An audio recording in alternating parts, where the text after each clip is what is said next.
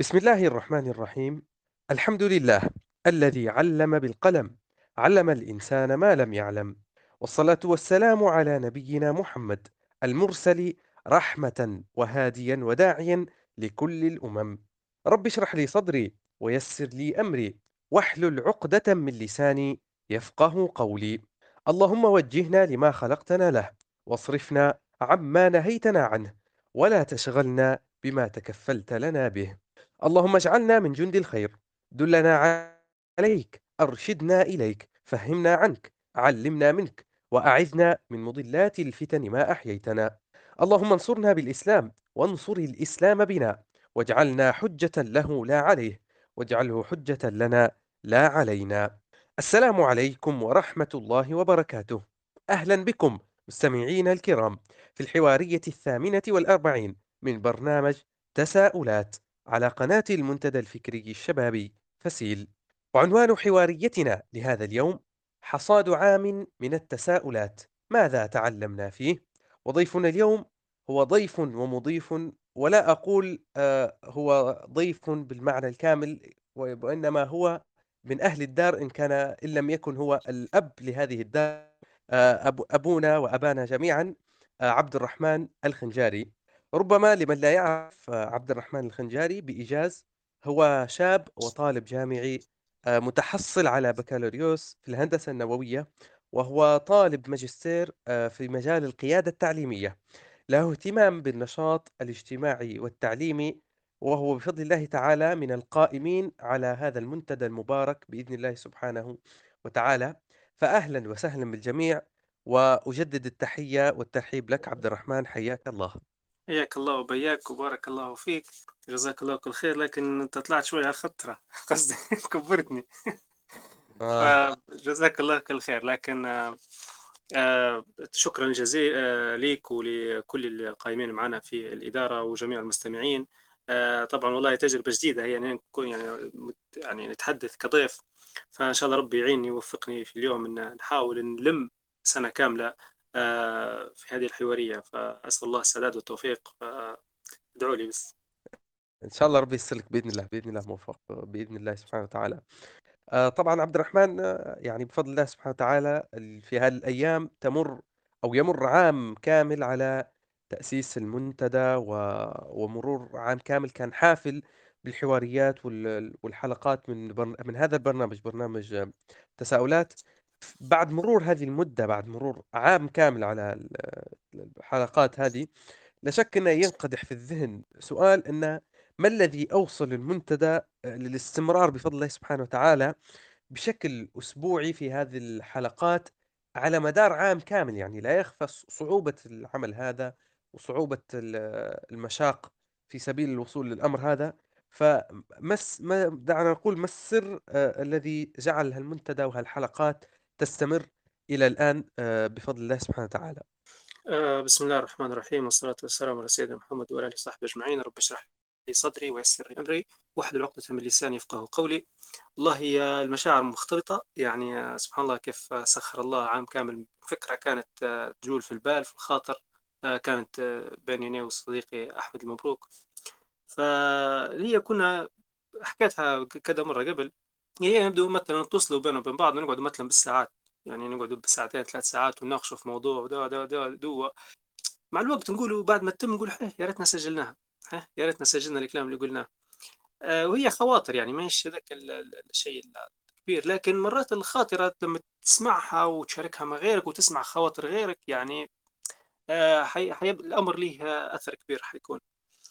فسبحان الله كان في البال وكل مرة نقول ها بنديروا حاجة نسجل نديروا موضوع كذا فسبحان الله الشرارة كانت مع أحداث آه، فلسطين العام الماضي الاعتداء على المسجد الأقصى وغيرها فقلنا لا خلاص هذه نقطة ما فيش كيف ننتظروا ونراجعوا ونسوفوا فخلاص قلنا بننطلق على بركة على بركة الله. فهمنا على الاسم هيك بسرعة بسرعة ما زمان عادة عادة لما نديروا في برامج زي هذه ما اتحاد طلبة وغيرها نحاول نوازي الاسم يكون جذاب هلبة والشعار كيف يكون؟ لا أول ما بديناها شنو سمينا شفنا شنو الغاية بيكون منتدى وشبابي فكري يلا انطلق سميه بالاسم هذا ما فيش داعي يكون اسم جذاب وكاتشي وحاجات هي. الشعار أي حاجة كان هيك متاع فاسيلو شرف في مبادرة كان بدينا خديناه وحطيناه. فسبحان الله بديت بالشكل هذا. يعني في البداية كنت راضي على الاسم هيك وكل شيء لكن شنو؟ هذه واحدة من الحاجات اللي راح نحكي عليها. فنقدر نقولوا لو بعد توفيق الله وتيسيره لكل شيء أول حاجة كان اللي هي إن إحنا فعلنا وما رجعناش اللي هي ما خلناش الموضوع يتسوف. كان سوفناه آه غدوة بندير راح يموت. فهذه نقول إحنا أول حاجة بدنا بالتوكل على الله وخذيناها كيف ما هي. النقطة الثانية اللي هي ما ركزناش هلبا على موضوع الكمال وإنه ضروري كل شيء من البداية يكون مثالي بيرفكت لا عادي هيك مكسر مداير حتى كان في البداية كانوا متابعين كانوا حتى شو نقولوا الأغلفة متاع الحلقات كانت رديئة جدا يعني. يعني كنت نحاول نصمم فيها بالتطبيق العادي يعني متاع التليفون حط صورة وشاشة خلفية سوداء وبخبط الحكاية. فمشيت بالشكل هو النقطة الثانية اللي هي إن قلنا بنقرر نديروا الشيء البسيط وما نديروش الشيء آه الكبير. يعني كيف؟ بدل ما نديروا مثلا لقاءات فيديو وزوم ومش عارف شنو لا. إحنا قلنا في الهدف إن إحنا شنو يعني كيف نحقق الهدف بأقل ما يمكن يعني إن إحنا بنسجل صوت ونتكلموا فخلاص فليكون ذلك يعني. النقطة الرابعة واللي هي كانت جزء مهم جدا اللي هي إن نحاول ما ندير الشيء إلا ما نشاور يعني ما نقررش مثلا موضوع حلقة معينة أو ضيف معين أو أن بنديروا تعديلة معينة إلا لما نكون مشاور حد أقل شيء واحد. ففي البداية كانت ندير في مشاورات فردية. كنت نشاور في أحمد بعدين بديت شفت رشا من اللي كانوا ناشطين في الموضوع وهكذا هكذا بشوية بشوية بديت آه، فكرة أن ضروري يندار في فريق تشاوري وأمرهم شورى بينهم نبغى نحقق قيمة الشورى. الإنسان يقدر يدير كل شيء بروحه لكن مع الوقت يغتر يقول أنا نقدر لا ما فيش حد يقدر كل شيء يديره بروحه. البركة في الجماعة. فهنا بدت الفكرة أنا ضروري يكون معي حد وهكذا بشوي بشوي عبد الرحمن انضم وهكذا. فبدت في فريق تشاوري هو اللي يشاور فيهم في أدق الأمور وأكبرها في خلال المنتدى. أه وشيء ثاني لي حتى لو فرضا أنا مقتنع برأي وهم ننزل للرأي بتاعهم. هيك حتى يعني زمان كان في عادة نعاند لكن مرة ديت ما عادش نعاند. يعني أه خلاص ما دام هم اتفقوا الموضوع يلا. أكيد في الخير في البركة فنتوكل على الله فنتبرك بالتشاور هو. آه، النقطة اللي بعدها وهي الأساسية اللي هي من البداية بدنا نصيغوا في مبادئ قيم. يعني إحنا ما نحاولوا يعني نحطوا مبادئ وقيم مستندة من الإسلام من المرجعية يعني من القرآن والسنة الصحيح في الموضوع. يعني الحاجة اللي ما, ما فيش عليها خلاف. هي تكون الجوهر متاعنا. بعدين صغنا مجموعة مبادئ أعلناها موجودة حتى في واحدة من الحلقات نعود ننشرها ثاني لمن يرغبها. اللي هي موضوع أنه يكون آه، رضا الله غايتنا. بيكون وبعدين عندنا الإصلاح هو يعني المبحث بتاعنا إحنا كيف نحاول ندير إصلاح. المواضيع بتاعنا يا إما تكون يعني ضروري تكون في جانب إصلاحي واحدة طب بعدين نحكي عليها إن شاء الله بالتفصيل إيش المنهجية اللي نختار بها في المواضيع. فالقيم مهم جدا والقيم هذه تسري على الجميع بحيث يبدأ العمل بتاعنا مرتكز على القيمة وليس على الأشخاص. شخصنا والقائد ما فيش من الدواد ما فيش. آه العمل يكون بطريقة إن لو حد فينا لو سمح الله توفيت أو مت أو صار لي شيء العمل يمشي ما يوقفش. في غيري عنده كلهم ادمنز كلهم عندهم الصلاحيات كلهم يقدروا يصمموا كلهم يقدروا ينزلوا كلهم يقدروا يحاوروا.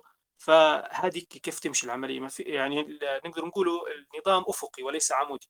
اللي هي النقطه السادسة المهمة جدا هي الاستفادة من التغذية الراجعة اللي هي نقول إحنا الفيدباك.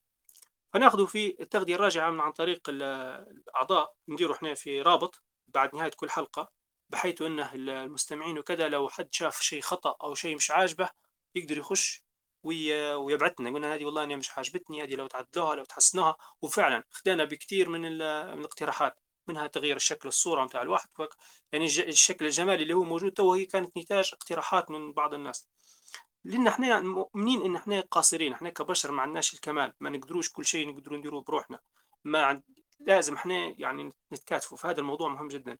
وموضوع التغذية الراجعة أنا اللي بركز عليها شوي يا عزام. ليش؟ لأنه تعتبر قيمة قيمة إسلامية اللي هي موضوع التناصح إن إحنا ننصح بعضنا إنما الدين النصيحة. فأنت لما تشوف مثلا حد يقول لك والله أنا مدير نموذج فيدباك ساعدني عبيه قولي رأيك قولي كذا خذ الموضوع بجدية. ليش نهدي نصيحة؟ يعني بالعكس نصيحة بطريقة مؤدبة حتى ما فيهاش إحراج يعني حتى انت تقدر تعبي وما حدش يعرف اسمك فتقول بصدق بصراحة. إحنا مشكله من المشاكل اللي نشوف فيها في حياتنا إن الناس تجامل هلبة. أنا بديت لدرجة حتى حد يشكر ماش نتحمل. قول انتقدني قول لي شنو الخطأ شنو باش نتطور. لو ما تنتقدنيش ولو ما تقوليش شنو النقص اللي موجود عندي أنا مش حنتطور حنقعد في مكاني. بعدين أنت في الأخير بده الناس يتسهوك عليك وكذا وخيرهم دايرين هيك، فأنت بدل ما تقعد تنتقد يعني بشفهية قدام الناس وتغتاب وكذا، لأ تعالَ واجه وقول والله يا ريت تصلحوا هذه، يا ريت تصلحوا هذيك، ويكون في حُسن نية بيننا وبين بعضنا. فموضوع التغذية الراجعة كان مهم جدًا صراحةً في آآ هلبة تحسينات صارت، وحتى اقتراحات مثلًا ضيوف وكذا آمم في ناس ما نعرفهمش إحنا، واحدة من أهداف المنتدى إن إحنا نبغوا نبرزوا آآ ناس صالحة في المجتمع ذو علم، ذو كفاءة كذا بحيث إن شنو يديروا يعني أثر طيب، ولكن مرات ما نعرفهمش نحتاجوا ناس يساعدونا في الشيء هذا. آآ شيء آخر اللي هو كانت في المرونة. المرونة كان شو بنقول طابع في خلال الشغل متاعنا، يعني مرات نديروا خطة نقول والله إحنا عندنا حلقات بنديروا مثلًا الأسبوع هذا الأسبوع اللي بعده كذا نحطوا في أجندة متاع مجموعة حلقات، فجأة الضيف يقول لك لا والله أنا صار لي ظرف، لا أنا ما نقدرش، كذا، فنضطروا نشقلبوا الموضوع، نغيروا الحلقة مكانها، نغيروا الجدول، نتواص فالمرونة هذه كانت مصاحبتنا. ما نكونوش جامدين بتاع والله كان الضيف اعتذر نقول له يالّا بلاش ما صارش، إحنا نحاولوا ما نخسروش. أيضًا إحنا بيننا وبين بعضنا نبدو مثلًا خلاص بنديروا حلقة واحد منا يعتذر. يجي التاني يخش يغطي عليه فنرتجلوا في الموضوع هذا فتمشي الأمور. أنتم المستمعين مرات ما يحسوش بها. آه والقرارات نتاع اخر لحظه هذه اللحظة الأخيرة حتى هي كانت سبب يعني المرونه كانت مساعدتنا بشكل كبير فاحنا مديرين النظام مديرين القوانين لكن مش مديرينها بحيث إنها توقفنا وتشلنا عن الحركة. لا بحيث إن إحنا آه، وصل فيها المرونة العادله يعني ما تضحيش بالعدالة أو انك أنت في بسبب المرونة يعني, يعني لو التزمنا بحاجة معينة نلتزموا بها. لكن بشكل مرن غريبة شوية هذه النقطة أخرى اللي هي موضوع الثقة الثقة المتبادلة. عادة لما ينضم معنا محاور جديد أو إيه مثلا عادة لما ينضم محاور جديد فنبدوش متوجسين هلبة. لا هو ما يعرفش لا ما يديرش لا نعطوا فيه ياخذ يعني من البداية خلاص انطلق. أو خذ المسؤولية. فإحنا الموضوع إن إحنا نعطوا المسؤولية طول مباشرة والثقة المتبادلة سواء حد يكون معنا في الإدارة وكل شيء هذا أمر مهم جدا. ليش؟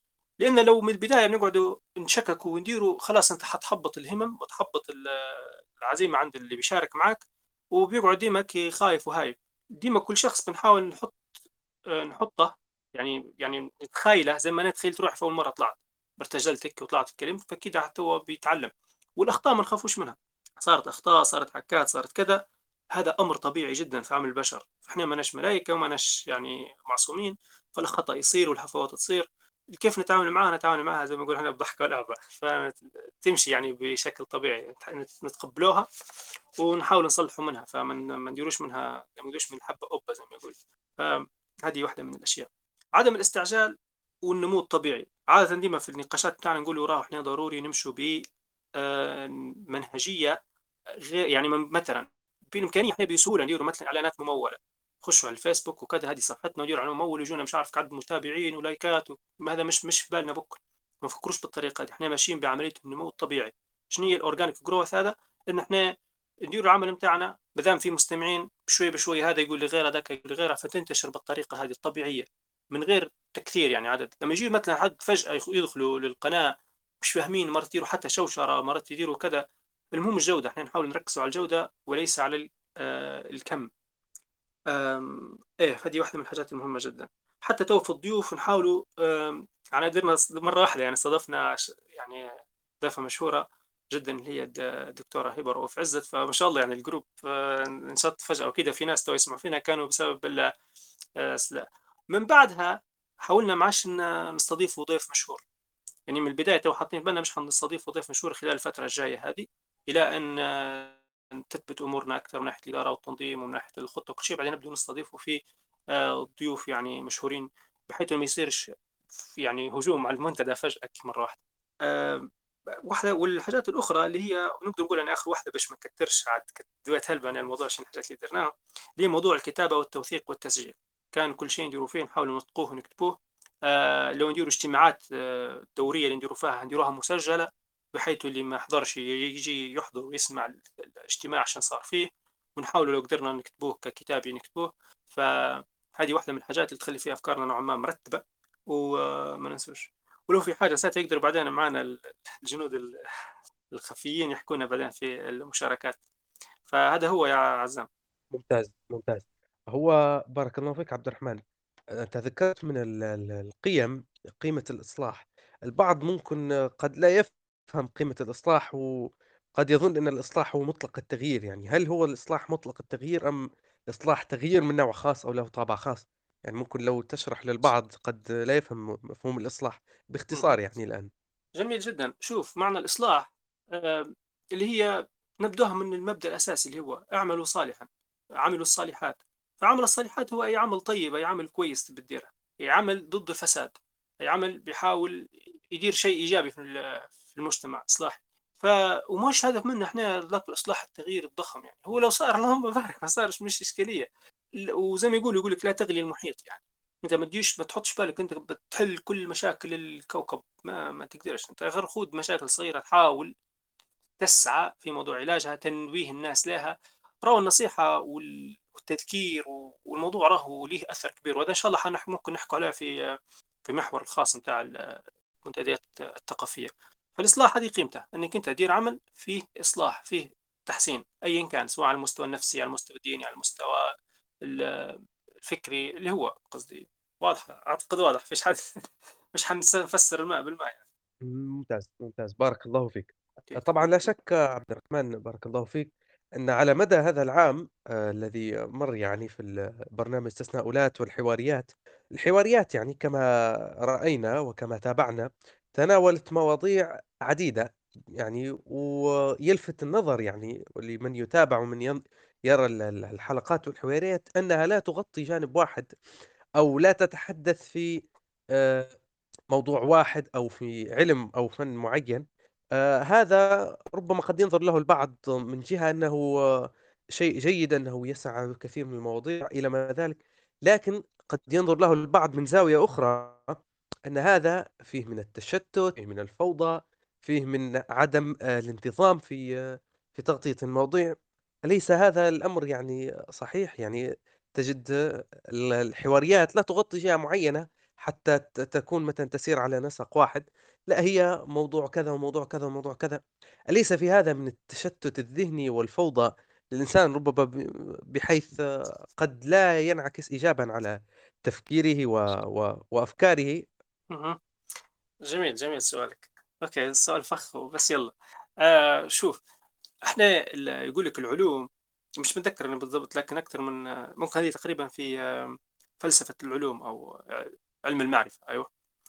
اللي هي يقول لك العلوم لو بنقسّموها إحنا إلى يعني أقسام رئيسية، تمام؟ فيقول لك في علوم تتمحور حول الأرض، وفي علوم تتمحور حول الإنسان، وفي منظومتنا الإسلامية بالذات إحنا عندنا علوم تتمحور حول الوحي. فنعطي أمثلة فالعلوم التي تتمحور حول الأرض منها على سبيل المثال الجغرافيا اللي هي علم وصف الأرض نجيو بعدين علم مثلا الزراعة هو علم يتعلق بالزراعة أو نبات محصو- محاصيل نباتية على سطح الأرض علم الفضاء هو علم. شيء ما هو خارج الأرض وشني نسمي يعني أي حاجة لا شوف العلوم عادة التطبيقية والمادية هي لها علاقة بالأرض. الهندسة مثلا هي عبارة عن دير أنت منتجات باستخدام مواد من الأرض لأشياء بتكون على الأرض يعني أنت تتكلم عن شيء مادي. تمام؟ وهكذا.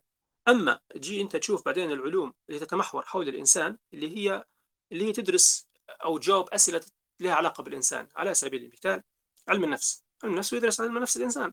آه، تجي تقول مثلا علم الإدارة هو أنت كيف تنظم حركة الإنسان؟ آه، السياسة. تنظيم المجموعات البشرية خلال كان تاريخ تاريخ الإنسان. آه، وهكذا.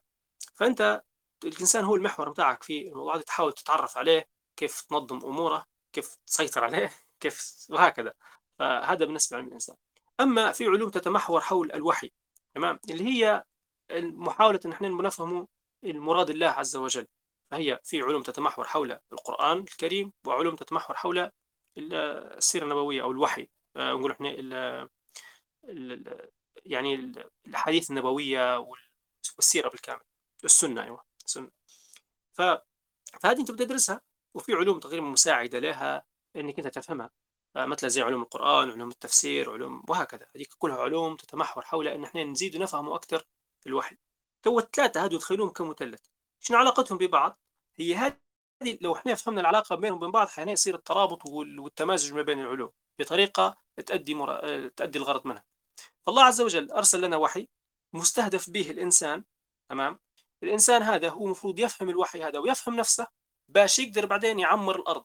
بيعمر الأرض بناء على شيء على شنو؟ بناء على ضوء الوحي ما يعمرهاش هيك عشوائيا. فالوحي يضبط حركة الإنسان في إعمار الأرض. فأنت مطالب إنك تفهم الأرض شنو فيها؟ والعلوم اللي تتعلق بها ومطالب إنك تفهم نفسك والعلوم تتمحور عليك. باش تقدر تقوم بمراد الله اللي أنت المفروض تفهمه أيضا.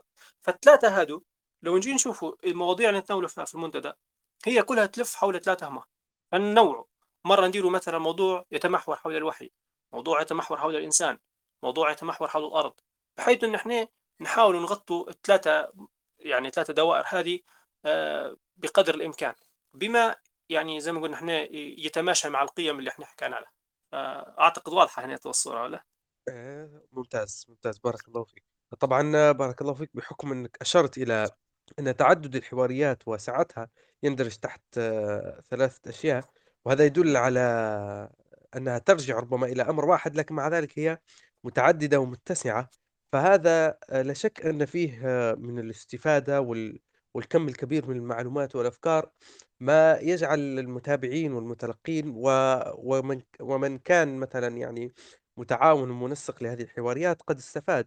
فربما ما الذي يستفيده المتابع أو ما الذي استفاده المتابعون من كل ما سبق من الحواريات ما أبرز الأفكار ما أبرز ال- القيم التي تعزز في الإنسان من خلال كل ما سبق من حواريات وتساؤلات آه، بسم الله الرحمن الرحيم طبعا هذا أكثر محور أنا موترني لأني من آم أسبوع كامل نحاول نعدلها اللي هي نحاول آه، ندير ملخص لحوالي 94 ساعة من الحواريات في نص ساعة تو نحاول نجيبها ما نعرفش. فنسأل الله التوفيق. اللي هي حنبدأ جميل. بداية موفق بإذن الله. إن شاء الله يستر الله. حنبدأ مثلا بأول دائرة مثلا دائرة الوحي. تمام. إحنا تناولنا مجموعة حلقات حنحاول نديرهم بطريقة ما هيك واضحة. فمن الحلقات اللي بدينا بها مش اللي بدينا بها واحدة من الحلقات اللي كانت اللي هي عن الله سبحانه وتعالى. يعني هو الله هو اللي يعني هو اللي أنزل الوحي لنا ف كانت في حلقة مع عبد الملك بن الأمجد. تكلمنا فيها على موضوع أهمية أن الإنسان يعرف الله عز وجل.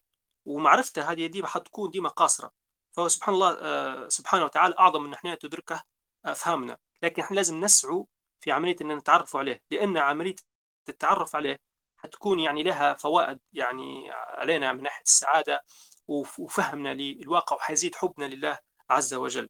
ولازم نسعى بالموضوع بالسبل القلبية والسبل العقلية. هذه ممكن أبرز الرسائل اللي ممكن طلعنا بها في آه، الحلقة هذه وهي حلقة رقم 13 آه، أيضا من المواضيع اللي تناولناها كان موضوع الدين موضوع الدين والتعليم والتربية الإسلامية. وهي طبعا ثاني كانت خامس حلقة مع عبد الرحمن المغبوب. تكلمنا فيها على موضوع أهمية إحنا لازم نعرف وش معناها الدين ومصطلح هذا الدين وش نقصد به بالضبط. وإن إحنا كان في إشكالية عند الناس أو عند حتى في دراسة الدين اللي هو تأثرهم بالمصطلحات والمفاهيم اللي جاية من عقائد أخرى. فالدين مثلا في عند المسيحيين أو عند دول ثانية ريليجن أو غيرها مش نفس راهو مفهوم الدين اللي عند عندنا إحنا أو اللي مفهوم يعني عند السابقين آه، لنا فالموصوف يختلف جدا. فمفروض إن إحنا باش نطبقوا أمر الله عز وجل الوحي هذا ضروري نفهم شنو هو الدين. فلما جيت تشوف أنت مثلا تطلع على الديانات تشوف الديانة المسيحية حتلقاها مثلا مالت في النصوص نتاعها واللب نتاعها مالت إلى الانسحاب من الواقع المعيشي وركزت على موضوع مملكة الرب في السماء. بينما الدين اليهودي لا ركزوا على موضوع المملكة الأرضية وبس مركزين على النعيم الدنيوي اللي هم قاعدين فيه. لكن الإسلام مغطي القطبين هذول. في إشكالية كبيرة كانت في موضوع تكلمنا عليها في الحوارية هذه على موضوع المنظومة التعليمية المعاصرة. اللي هي أصبحت كأنها خط إنتاج آه، يصبغ في الناس بألوان واستيكرات معينة بحيث أن الإنسان يعني يضيع منه مفهوم الدين. فالحمد لله يعني لولا الأسرة والشيوخ والناس المربين بيحاولوا يخففوا من أثر المنظومة هذه. لأن في علمنة صايرة للتعليم المنظومة التعليمية حاليا منظومة علمانية ما تساعدش في تعليم الدين. فهو التعليم الديني هو أساس لاستدامة لا إله إلا الله وصلاح الدنيا وآخرتها. يعني ممكن هذه نقول إحنا أبرز النقاط وما زال في نقاط أخرى في الحلقة هذه متاع حلقة الدين والتربيه الاسلاميه الحلقة الخامسه. آه، أيضا كانت في حلقة أو حلقتين تكلمنا فيهم عن موضوع القرآن الكريم. الحلقة الأولى كانت مع الأستاذة زهرة أوشن وتكلمنا على ما هو القرآن فتعلمنا شنو هو معنى يعني يعني تعريف القرآن ممكن الواحد مش هو ما نعرفوه لكن لما تسمع كتعريف واضح هو آه، القرآن الكريم هو كلام الله الذي أنزله الله تعالى على سيدنا محمد صلى الله عليه وسلم الموجود في المصاحف الذي تبدأ بسورة الفاتحة وتنتهي بسورة الناس المتعبد هذه أهم نهر المتعبد بتلاوته المنقول بالتواتر. فكلمة التواتر هنا هي اللي كانت نقدر نقول إحنا لب الحلقة تكلمت على موضوع كيف جانا القرآن أصلا وكيف تم حفظه. وكان في الحلقة هذه رد على الشبهات اللي تو حاليا تطرح يقول لك لا القرآن ده كيف جاي وكيف كذا لا. فتكلمنا على قصة حفظ القرآن من نزول الوحي على الرسول صلى الله عليه وسلم وكيف ينزل عليه والحالات اللي يمر بها الرسول صلى الله عليه وسلم وكيف تم الصحابة كتابة القرآن الكريم وبعدين كيف تم عملية تجميع الصور وترتيبها وبعد وفاة الرسول صلى الله عليه وسلم شنو اللجنة اللي قام بها أبو بكر الصديق رضي الله عنه وبعدين قام أيضا آه، عثمان بن عفان بلجنة أخرى فتكلمنا عن الموضوع هذا بشكل آه، كامل. آه، أيضا في حلقة أخرى كانت مع الشيخ فتحي كريم كانت على موضوع كيف أهمية التدبر والحفظ القرآن الكريم. ف يعني وتكلمنا عن مشكلة موجودة في كثير من المنازل والناس يديروا في القرآن زي التميمة يحلقوا يعلقوا فيه في السيارات وكذا. فهذه واحدة من المغالطات. القرآن ما هو شيء نحطه هيك نتبركوا به في الحوش وخلاص القرآن جاي لأن إحنا نقروه ونفهموه. هي رسالة من الله عز وجل لينا. فإحنا لو لله المثل الأعلى لو بنشبهه لو أنا مثلا أعطيك رسالة وانت تحطها وما تقراهاش أو ما تطبقهاش يعني أنا أنا عن نفسي كبشر نضايق منك. فلا المثل لازم نحط هذا المفهوم في بالنا. اتكلم الشيخ فتحي على موضوع أهمية علوم القرآن. فلو قال تو إحنا عندنا مراكز تحفيظ القرآن المفروض يدرج معاها موضوع آه، العلوم القرآن. فيبدأ مركز تحفيظ القرآن وعلومه ما يقعدش فقط للتحفيظ. فأتكلم على موضوع أيضا على موضوع اللي يسموه زي الأشعار نسيتهم. المتون أيوه. المتون كيف نساعد على الحفظ وعلى استذكار المعلومات وأيضا خاصة في موضوع التفسير وغيره. تكلم في ضمن المشاركات طبعا كانت حلقة غنية جدا بالمشاركات. آه، جاوب على موضوع معالجة الفتور. في ناس تقول لك أنا بديت نقرأ ونحفظ وكذا حسيت بالفتور ما قدرت نكمل جاوب على الموضوع هذا. وفي كانت المشاركات موضوع تعظيم العلم بالله وهي تزيد تأكيد على الحلقة بتاع الله سبحانه وتعالى. وتكلمنا على موضوع كيف تحبيب القرآن عند الأطفال. هذا بالنسبة للحلقات. في حلقات أخرى على موضوع القرآن تكلمنا عن موضوع الروايات. كان معنا دكتور محمد خليل الزروق تكلمنا عن الفرق ما بين الرواية والقراءة. علاش مثلا في رواية حفص؟ علاش في رواية قالون على ورش؟ شنو الفرق ما بيناتهم؟ أه تكلمنا على شنو الحكمة؟ هذه أهم أنا أكثر حاجة استفدت منها موضوع الحكمة. علاش في الاختلافات هذه؟ فسبحان الله كانت الاختلاف هذا زاد عاطي معاني يعني جميل القرآن في تكامل للمعنى. يعني الكلمة في كلمات معينة لو تقعد بروحها مش حتعطي. لكن تنوعها في الروايات مثلا تكون ذيك بالفتحة ولا بالضمة ولا في مثلا عندة ولا عباد ولا عاطية معاني مكملة للوحدة. ومنها مثلا الآية بتاع الوضوء. فالآية الوضوء آه، فيها تقريبا آه، اختلاف في حركة يعني كانت بالجر ولا بالضم. الاختلاف هذا سبب إنه صار في اختلاف في الحكم الفقهي في الواحد هل مثلا المسح على الرجلين مثلا يكون واجب ولا يكون يعني عادي مثلا في رخصة أنك أنت تمسح ولا تغسل فمن النقطة هذه. فكانت حلقة جميلة جدا من الحلقات اللي استمتعت بها. هذه حلقة آه، في رحاب الروايات والقراءات حلقة 37 زي ما حكينا. طبعا آه، مش حنلحق نحكي كل شيء حنحاول نعطي توا رؤوس لعن نحكي العناوين اللي حكي اللي تناولناها الأخرى اللي هي حلقة درناها على موضوع الشبهات والإلحاد مع صهيب المسماري. تكلمنا فيها على مشكلة الإلحاد والشباب كيف معضلة الشر كيف دارت لهم مشكلة. حاولنا تكلمنا عن الموضوع هذا وعلى تكلمنا عن أهمية تعزيز اليقين. في حلقة أخرى درنا على الحملات التنصيرية في ليبيا وهي كانت بالأساس مركزة على موضوع التنصير بصفة عامة أو موضوع يعني كيف إن النصارى حاليا مستغلين ال social media ومستغلين الحروب مستغلين الحروب والكوارث اللي صايرة في البلاد فيخشوا عن طريق منظمات دولية ويخشوا عن طريق منظمات إغاثة فيبدأ هم في ترويج الأفكار متاعهم. فتكلمنا على موضوع العقائد اللي موجودة عندهم مثلا زي عقيدة الفداء وعقيدة الخطيئة وموضوع كيف بولس هو اللي ساهم في تشكيل العقيدة هذه. ما هيش نفس العقيدة اللي كان جابها سيدنا عيسى عليه السلام. فصار تحريف من بعدهم. هم نفسهم تو حتى العلماء بتاعهم أصبحوا مجمعين على أن الإنجيل محرف آه، في الموضوع هذا. يعني آه، تكلمنا عن الموضوع هذا بإسهاب وكيف الحملات صايرة وكيف يحاولوا يغروا في الناس الضعيفة. في حلقة تكلمنا فيها على تزكيه النفس، تكلمنا على حلقة إدراكنا في يعني تجديد إدراكنا برمضان و... وتكلمنا على موضوع المساجد ودورها كانت هذه مع الشيخ صلاح الحاسي طبعا المساجد دورها فعلا محتاج يرجع زي ما كان قبل وإحنا نشوف فيه تو حاليا لو بيصير إصلاح راهو الإصلاح في المساجد حيكون مؤثر جدا لأنه راح يكون فيه آه، آه، بغض بغض النظر عن إقامة الصلاة فقط بس حيكون فيه مثلا مجالس قرآنية حيكون فيه آه، نشاط حضاري ثقافي المفروض يرجع للمساجد. وكان طبعا كوننا نتكلم عن المساجد فلا ننسى أن إحنا درنا حلقة أول حلقة كانت للمنتدى هي حول المسجد الأقصى فكانت مع الشيخ عبد اللطيف شرلالة تكلمنا فيها على مركزية المسجد الأقصى في وجدان عقيدة المسلم.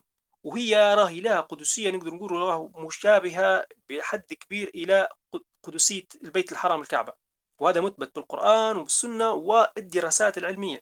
قضية المسجد الأقصى قضية شرعية وتعاملنا معها ينبع من العقيدة والإيمان. فنصرة الأقصى راه من العمل الصالح. وهذا طبعا كل الفقهاء اتفقوا على الشيء هذا. وهذا واجب شرعي.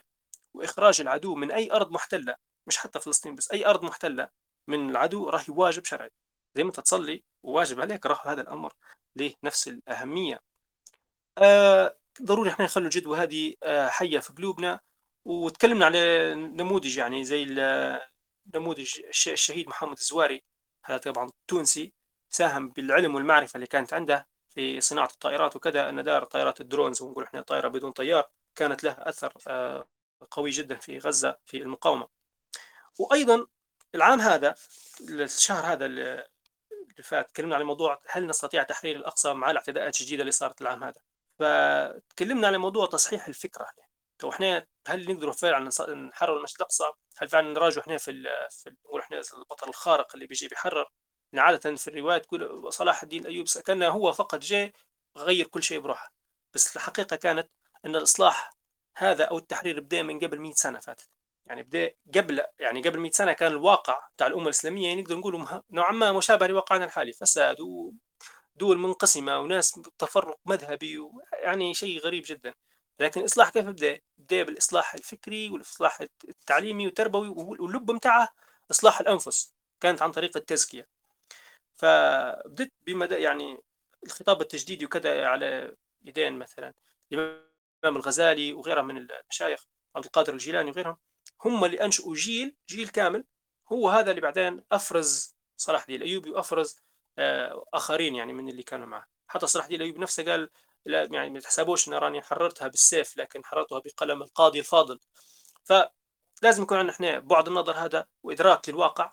ما نبدوش إحنا نحلم في احلام وننتظروا لأن هذا الشعور بالانتظار يعني سام جدا. وزيد في نكستنا لأن إحنا لا يغير الله ما بقوم حتى يغيروا ما بأنفسهم. لازم نبدو من نفسنا في آه، النقطة هذه. أعتقد هذه آه، جل المواضيع اللي تكلمنا عليها في دائرة الوحي. عزام تبي نكمل ولا تبي تقول حاجة ثانية؟ تعلق شوية باش نخش في دائرة ثانية. لا لا استمر. توكل على الله. ممتاز. نجول للدائرة الثانية اللي هي موضوع دائرة الأرض. حخلي دائرة الإنسان لأن هلبة مواضيع درناها. في الإنسان فنحكي عليها ونحاول كيف نرتبهم. في دائرة الأرض تكلمنا في أول حلقاتها على موضوع التصحر والتغير المناخي في ليبيا. آه طبعا الموضوع راهو مش في ليبيا بس نقدر نقول إحنا أكثر من الدول العربية آه، تعاني من المشكلية هذه. بس في ليبيا بالذات كون انه الصحراء بدأت تاكل فينا. آه، تصادفنا فيها الدكتور عبد القادر النجدي. تكلمنا على السبب الرئيسي للتصحر وأنا هذا أكثر معلومة أنا استفدت منها وما كانش في بالي. هي قال لك هو موت التربة. لما تموت التربة هو هذا سبب في التصحر. فهو هذا اللب. أنت لما تبي تعالج ركز على التربة. التربة قال لك راهي فيها عناصر حية فيها عناصر حياة وصفات مميزة مميزة على غيرها. كأن كل تربة راهي مختلفة ثاني كان لها دي إن اي خاص بها مثلا. تشبيه. فالتربة هذه آه، لو تعرضت للتجريف وقطع الأشجار والمبيدات الحشرية والتلوث راهي كلها تسبب في قتل التربة والعناصر اللي فيها هي بعدين تخلي النبات يعيش وينمو. خطر التصحر راهو يهدد الأمن القومي للبلاد خاصة أمنها الغذائي ويسبب راهو في خسائر للأرواح والأموال توا وبعدين. الآن ولاحقا. ليش؟ لأنه هذا راح يخلي ناس تهاجر من مناطق كانت عايشة فيها وحيسبب ضغط على مناطق أخرى. فإحنا لو مثلا إحنا في ساكنين في الشمال فما نقولوش التصحر مش مهم وكذا واحد. لا حيجيك حيجيك. لانك أنت حسبب ضغط على مناطق الجنوب. أيضا التربة بدت الآن يعني بدت تهجم على الشمال خاصة في فصول الصيف وكذا وخاصة مع العجاج والقبلي. بدت الناس كلها تدير في بالبي في سي.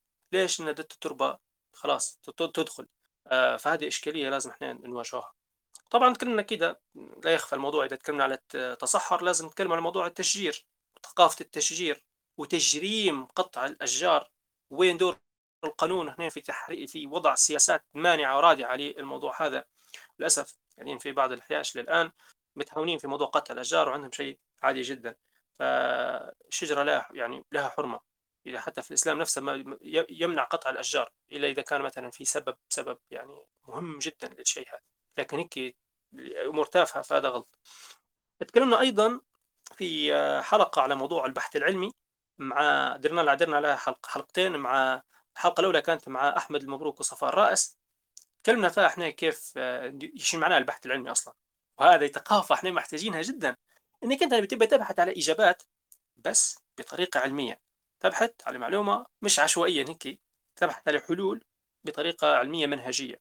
ومن ضمن المنهجيات أي ضروري أي طالب خاصة طلبة الجامعات وغيره يعرفوا إيش يفرقوا شنو الفرق بين النظرية والفرضية. النظرية طبعا هي أنها شيء يكون قريب للحقيقة أو شيء تفسيري.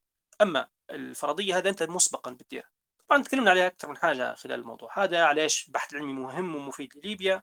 هل الجامعات في ليبيا تشجع البحث العلمي؟ وعلاش العالم يتنافس على الموضوع هذا؟ عليها شوية تحفيز. فصفاء جاوبت إجابة جميلة جدا قالت هي يعتبر قوة اقتصادية الآن البحث العلمي قوة اقتصادية. فتلقوا الحكومات تدعم في بحوث علمية بملايين لأنها ترد لهم في فلوس بعدين. هم يدفعوا في فلوس على البحث العلمي لأنه يرد لهم في أضعاف مضاعفة للشيء هذا. والآن العالم زي ما تعرفوا القوة للي يمتلك المعلومة. فإحنا لازم هذا يكون في بالنا. أي إصلاح أي كذا ضروري يكون عن طريق أداة البحث العلمي. حتى في حتى في حتى في الشريعة ضروري يكون في بحث علمي منهجيات خاصة موجودة الآن. يتبعوا فيها الدارسين.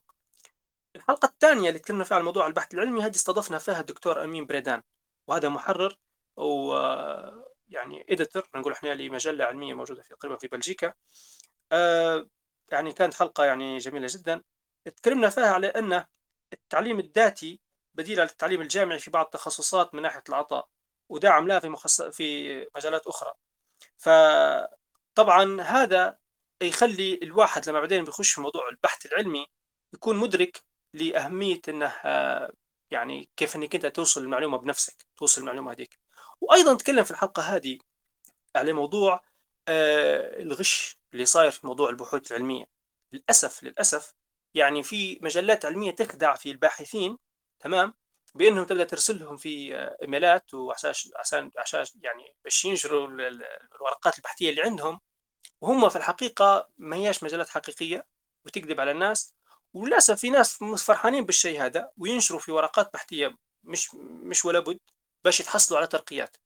شنو خلاصة الموضوع؟ رأي في مثلا دكاترة الجامعات يستغلوا في الشيء هذا باش يحصلوا ترقيات وهمية ويزيدوا فلوسهم وهذا مسبب ضعف للبحث العلمي في بلادنا لأن الغش آه، خداع يعني. شخص ينال شيء بناء على ما فيش ولا مجهود في الموضوع هذا.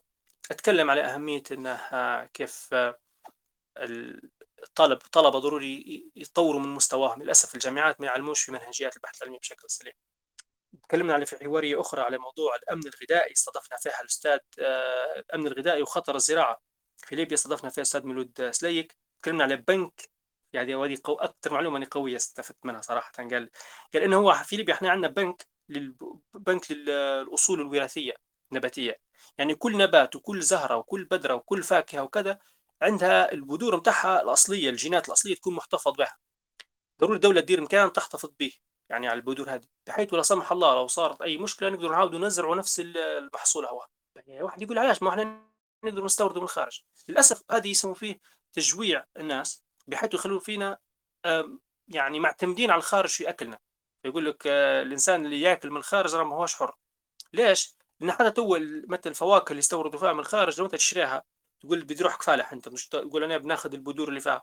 اولا أنت مرات تشتريها تلقاش فيها تلقاش فيهاش بذور. هذه هم يديروا في معالجات جينية لها بحيث يخلوك تاكل لكن ما يخلوكش تزرع.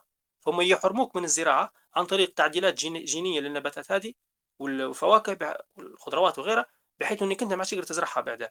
فهذه هذا تهديد كبير. تقعد أنت شنو مربوط. يعني تدفع لنا فلوس تطيع أوامرنا يا إما نحن نوفق نوقف عليك الماكله وأنت ما تقدر تزرع. فهنا تكون أهمية البنك هذا للأصول الوراثية بحيث إن إحنا نحافظوا على السلالات اللي موجودة عندنا أصيلة ما تنقرضش. للأسف كان في يعني سبب كان في زمان يقول الدلاع الجنزوري هذا انقرض الآن يعني. لكن هو قال لي إن في بعض بعض البذور عند عائلة معينة بيحاولوا يأخذوها منهم بيحاولوا يديروا مفاوضات باش العائلة هذه تعطيهم البذور يحافظوا فيها يحافظوا عليها في البنك هذا. فكانت حلقة جميلة جدا تكلمنا حتى مشاكل الزراعة اللي تواجه المزارعين والسياسات اللي مش مساهمة في تشجيع هذه رسالة لأي حد مهتم يركز على موضوع السياسات آه، الزراعية آه، يتم تحسينها والمناقشة أهل الخبرة والاختصاص لأن هذا أمر يمس الأمن الوطني للبلاد بالكامل. تكلمنا على شنو تكلمنا ثاني تكلمنا على موضوع الريادة المجتمعية أهميتها أه التمويل بتاعها تصادفنا فيه لبنى الزنتوتي وأحمد بباص على موضوع اللي نقول إحنا يعني المنظمات نقول إحنا المبادرات الاجتماعية. هي عادة الناس مثلا فيها غير ربحية لكن هي تقدر تكون ربحية بس تكون تخدم في المجتمع بحيث تمول نفسها عن طريق الشغل اللي تدير فيه. لكن هو قاعد يخدم في المجتمع. ما هوش موضوع الأساس منه مش أساس ربحي. بس الربح فيه هو مساعد لها على الاستمرار. فتكلمنا على موضوع الاستمرارية وكيف تكون في مشاريع مستدامة آه وهذا شيء مهم جدا. آه تكلمنا في حلق ثلاث حلقات تقريبا. تكلمنا فيهم على موضوع الدولة. كيف إحنا ندير دولة. فكان في حلقة على موضوع الدستور آه استضفنا فيه الدكتور إبراهيم البابا هو عضو هيئة صياغة الدستور الليبي. تكلمنا على أهمية الدستور كيف أنه ضروري جدا لبناء دولة. ما فيش حد يتخيل أن دولة بتقوم من غير دستور. طبعا هذا اللي يعرفوني دستور داير بدوش أنا في التواصل الاجتماعي. لأنه هو الخريطة الأساسية هو القاعدة اللبنه فما تجيش حد يقول بندير انتخابات ولا بندير دولة وهو ما فيش القاعدة الأساسية. هي الق... هو اللي نقول إحنا قانون اللعبة اللي بيضبط. علاش هذا بيحكم وهذا كيف بيداير وشكل الدولة كيف بيكون؟ لو هذا كان غايب مش حتمشي الأمور. طبعا في حالتنا الليبيه الأمم المتحدة واقفة ضد الموضوع هذا الدول الغربيه واقفة ضد الشيء هذا لأنه مش في صلاحهم ان الدولة تكون في دستور ومش هي بس معظم يعني خاص دول تعاني من نزاعات يحاولوا يحطوا العصا في الدولاب. نقول إحنا نقول عصا في الدراجة نتاع الدستور آه، بحيث إنه يا إما يكون موافق هواهم ولو ما يوافقش هواهم ما يخلوكش تستفتي عليه ولا أصلا تديره من الأساس. تكلموا عن المصاعب اللي كان واجهتهم في أثناء صياغة الدستور شنو التحديات كيف موضوع التعامل مع المواضيع الحساسة زي موضوع اللغة موضوع الهوية الشكل هذه كلها أتكلم عليها طبعا بشكل جميل جدا. للمهتم نصيحة إنه يسمع الحلقة هذه. درنا حلقة بعدها درنا قفز هيك شوي بعد الدستور كنا حنتكلم على موضوع الانتخابات. وقتها كانت في دوشة على موضوع الانتخابات وإحنا كيف نديروها وكل شيء. فضفنا هنا مهمن الصابري وتكلمنا على موضوع القواعد اللازم انها كيف تكون انتخابات. يعني ضروري الشعب يكون واعي. وتكلمنا على آه مشكلة خطيرة جدا هي في الديماغوجيا. الديماغوجيا اللي هي أنك أنت كيف تحرك الشعوب بخطابات ديماغوجية. أكبر مثال للموضوع هذا مثلا دونالد ترامب مثلا في أمريكا. يوقف على المنصة ويقول في كلام حماسي جماهيري أو يقول في حاجات مستفزة وكل شيء. هذا يسوي خطاب ديماغوجي لأنه يهيج في ناس معينة أن هي تتبع الموضوع ده وعادة الخطابات تكون حماسية ومؤثرة. والناس تأثر بها للأسف. يعني ما, فيش قاعد يعمل هذا الكلام يقول في صح ولا خطأ ولا شيء. فيتم استغلال العقل الجمعي. ويلعبوا هنا موضوع عليه السيكولوجيا يعني النفس في موضوع تأثير على البشر. وطبعا يتم استخدام الإعلام والميديا في يعني تحريك الجماهير. يعني. زي مثلا الفضيحه اللي صارت متاع في الانتخابات الأمريكية متاع كامبريدج أناليتيكا. إن كيف فيسبوك عن طريق استخدام البيانات اللي موجودة عندهم قدروا يعرفوا الناس شنو توجهاتها بناء على توجهاتهم بدوا يبعثوا لهم في يطلعوا لهم في إعلانات وكذا بحيث يخلوهم يصوتوا لشخص معين. فالإنسان ضروري يكون واعي بالموضوع هذا. تكلمنا أيضا في حلقة أخرى على موضوع كيف إحنا نبني الدولة على أسس إسلامية. فإحنا استضفنا الدكتور ونيس مبروك أه تكلم لنا على موضوع إنه كيف كانت الدولة في الإسلام قبل على موضوع إنه كيف إن المفروض في قيم أساسية تطبق زي مثلا قيمة العدل والحرية وفي في نماذج أخرى طبعا القيم هذه. وان هي الدولة الدولة في الإسلام راهي في الأساس دولة مدنية وهذه أكثر معلومة مهمة جدا. في ناس لما يجي يتكلم تو خاصة لما يجي بيتكلموا على السياسة آه أنتم بتديروا دولة آه، دولة دينية. دولة دو... يجي في بالها شنو؟ الدولة الدينية دي بتاع القرون الوسطى بتاع الكنيسة كانت تحكم وكذا وفي رهبان وفي مثلا بابا من فوق يتحكم. لا بالعكس الدولة الإسلامية هي دولة مدنية في الأساس. لأن الرسول صلى الله عليه وسلم لما دار دولة دارها على أساس وثيقة المدينة. نقدر نقول دستور المدينة. وكانت دولة مدنية بالكامل يعني. الدين فقط كان ينظم الحركة الاجتماعية فيها وقيم. ما فيش حد من فوق يعني بشر يعني يتحكم. وكانت حتى النظام كان مفتوح. يعني كل أمة وكل شعب بيقدر يحاول يشكل نظامه بما يتماشى معاه لكن بمجرد يطبق القيم. فتكلمنا أيضا على موضوع آه الآثار. فاستضفنا فيه الأستاذ عبد الحكيم الطويل. تكلمنا عن موضوع الآثار في آه أهميتها كيف أن الآثار يعني يعني لها فائدة اقتصادية كبيرة الناس ما هيش موضوع وأهم حاجة تكلم عليها وأهم معلومة اللي هي لازم نحو من دماغنا فكرة أن الآثار لما تجي كلمة آثار تخيل بنا يتخيل يجي في مخيلتنا طبعا اللي هي نقول إحنا التماثيل الرومانية والإغريقية. لا الآثار هي أي أثر إنساني آه، ترك البشر سواء كانت معمار مدني أو كان حتى مخطوطات. فالقانون الآثار الليبي يقول إن أي مبنى كان ليه علاقة ببناء الدولة أو ليه حاجة ليه علاقة سياسية وكل شيء مر عليه 100 سنة فهو يعتبر أثار. إحنا توا في 2022 يعني أي حاجة كانت قبل 1922 آه، يعني كل هذيك كانت تعتبر آه، تدخل في الآثار. يعني المفروض تحمى وتحافظ وتحافظ على مصلحة الآثار. لكن بالنسبة للمستندات المستندات الورقية ولا غيرها أي حاجة تمر عليها 50 سنة تدخل ضمن الآثار فهي أثر. تكلمنا عن موضوع المتاحف في الدول كيف أن هي مهمة جدا. أبسط مثال تونس مثلا. تمشوا تونس تلقوا متاحف أكثر كل مكان في متحف. المتاحف هذه لها فوائد تعليمية فيها فوائد ثقافية. فالإنسان مجرد ما يدخل المتحف كأنه هو قري مثلا 100 كتاب في لفة واحدة دار لفة كيف متحف؟ شاف هذه وشاف هذيك. هو خذ معلومات بالبلاش من خلال الاطلاع على الموضوع هذا. فهذا يحفظ يزيد في حفظ يعني الهوية متاع البلاد يزيد في يعني حتى الانتماء للناس البلاد متاعهم وفهم أكثر للواقع.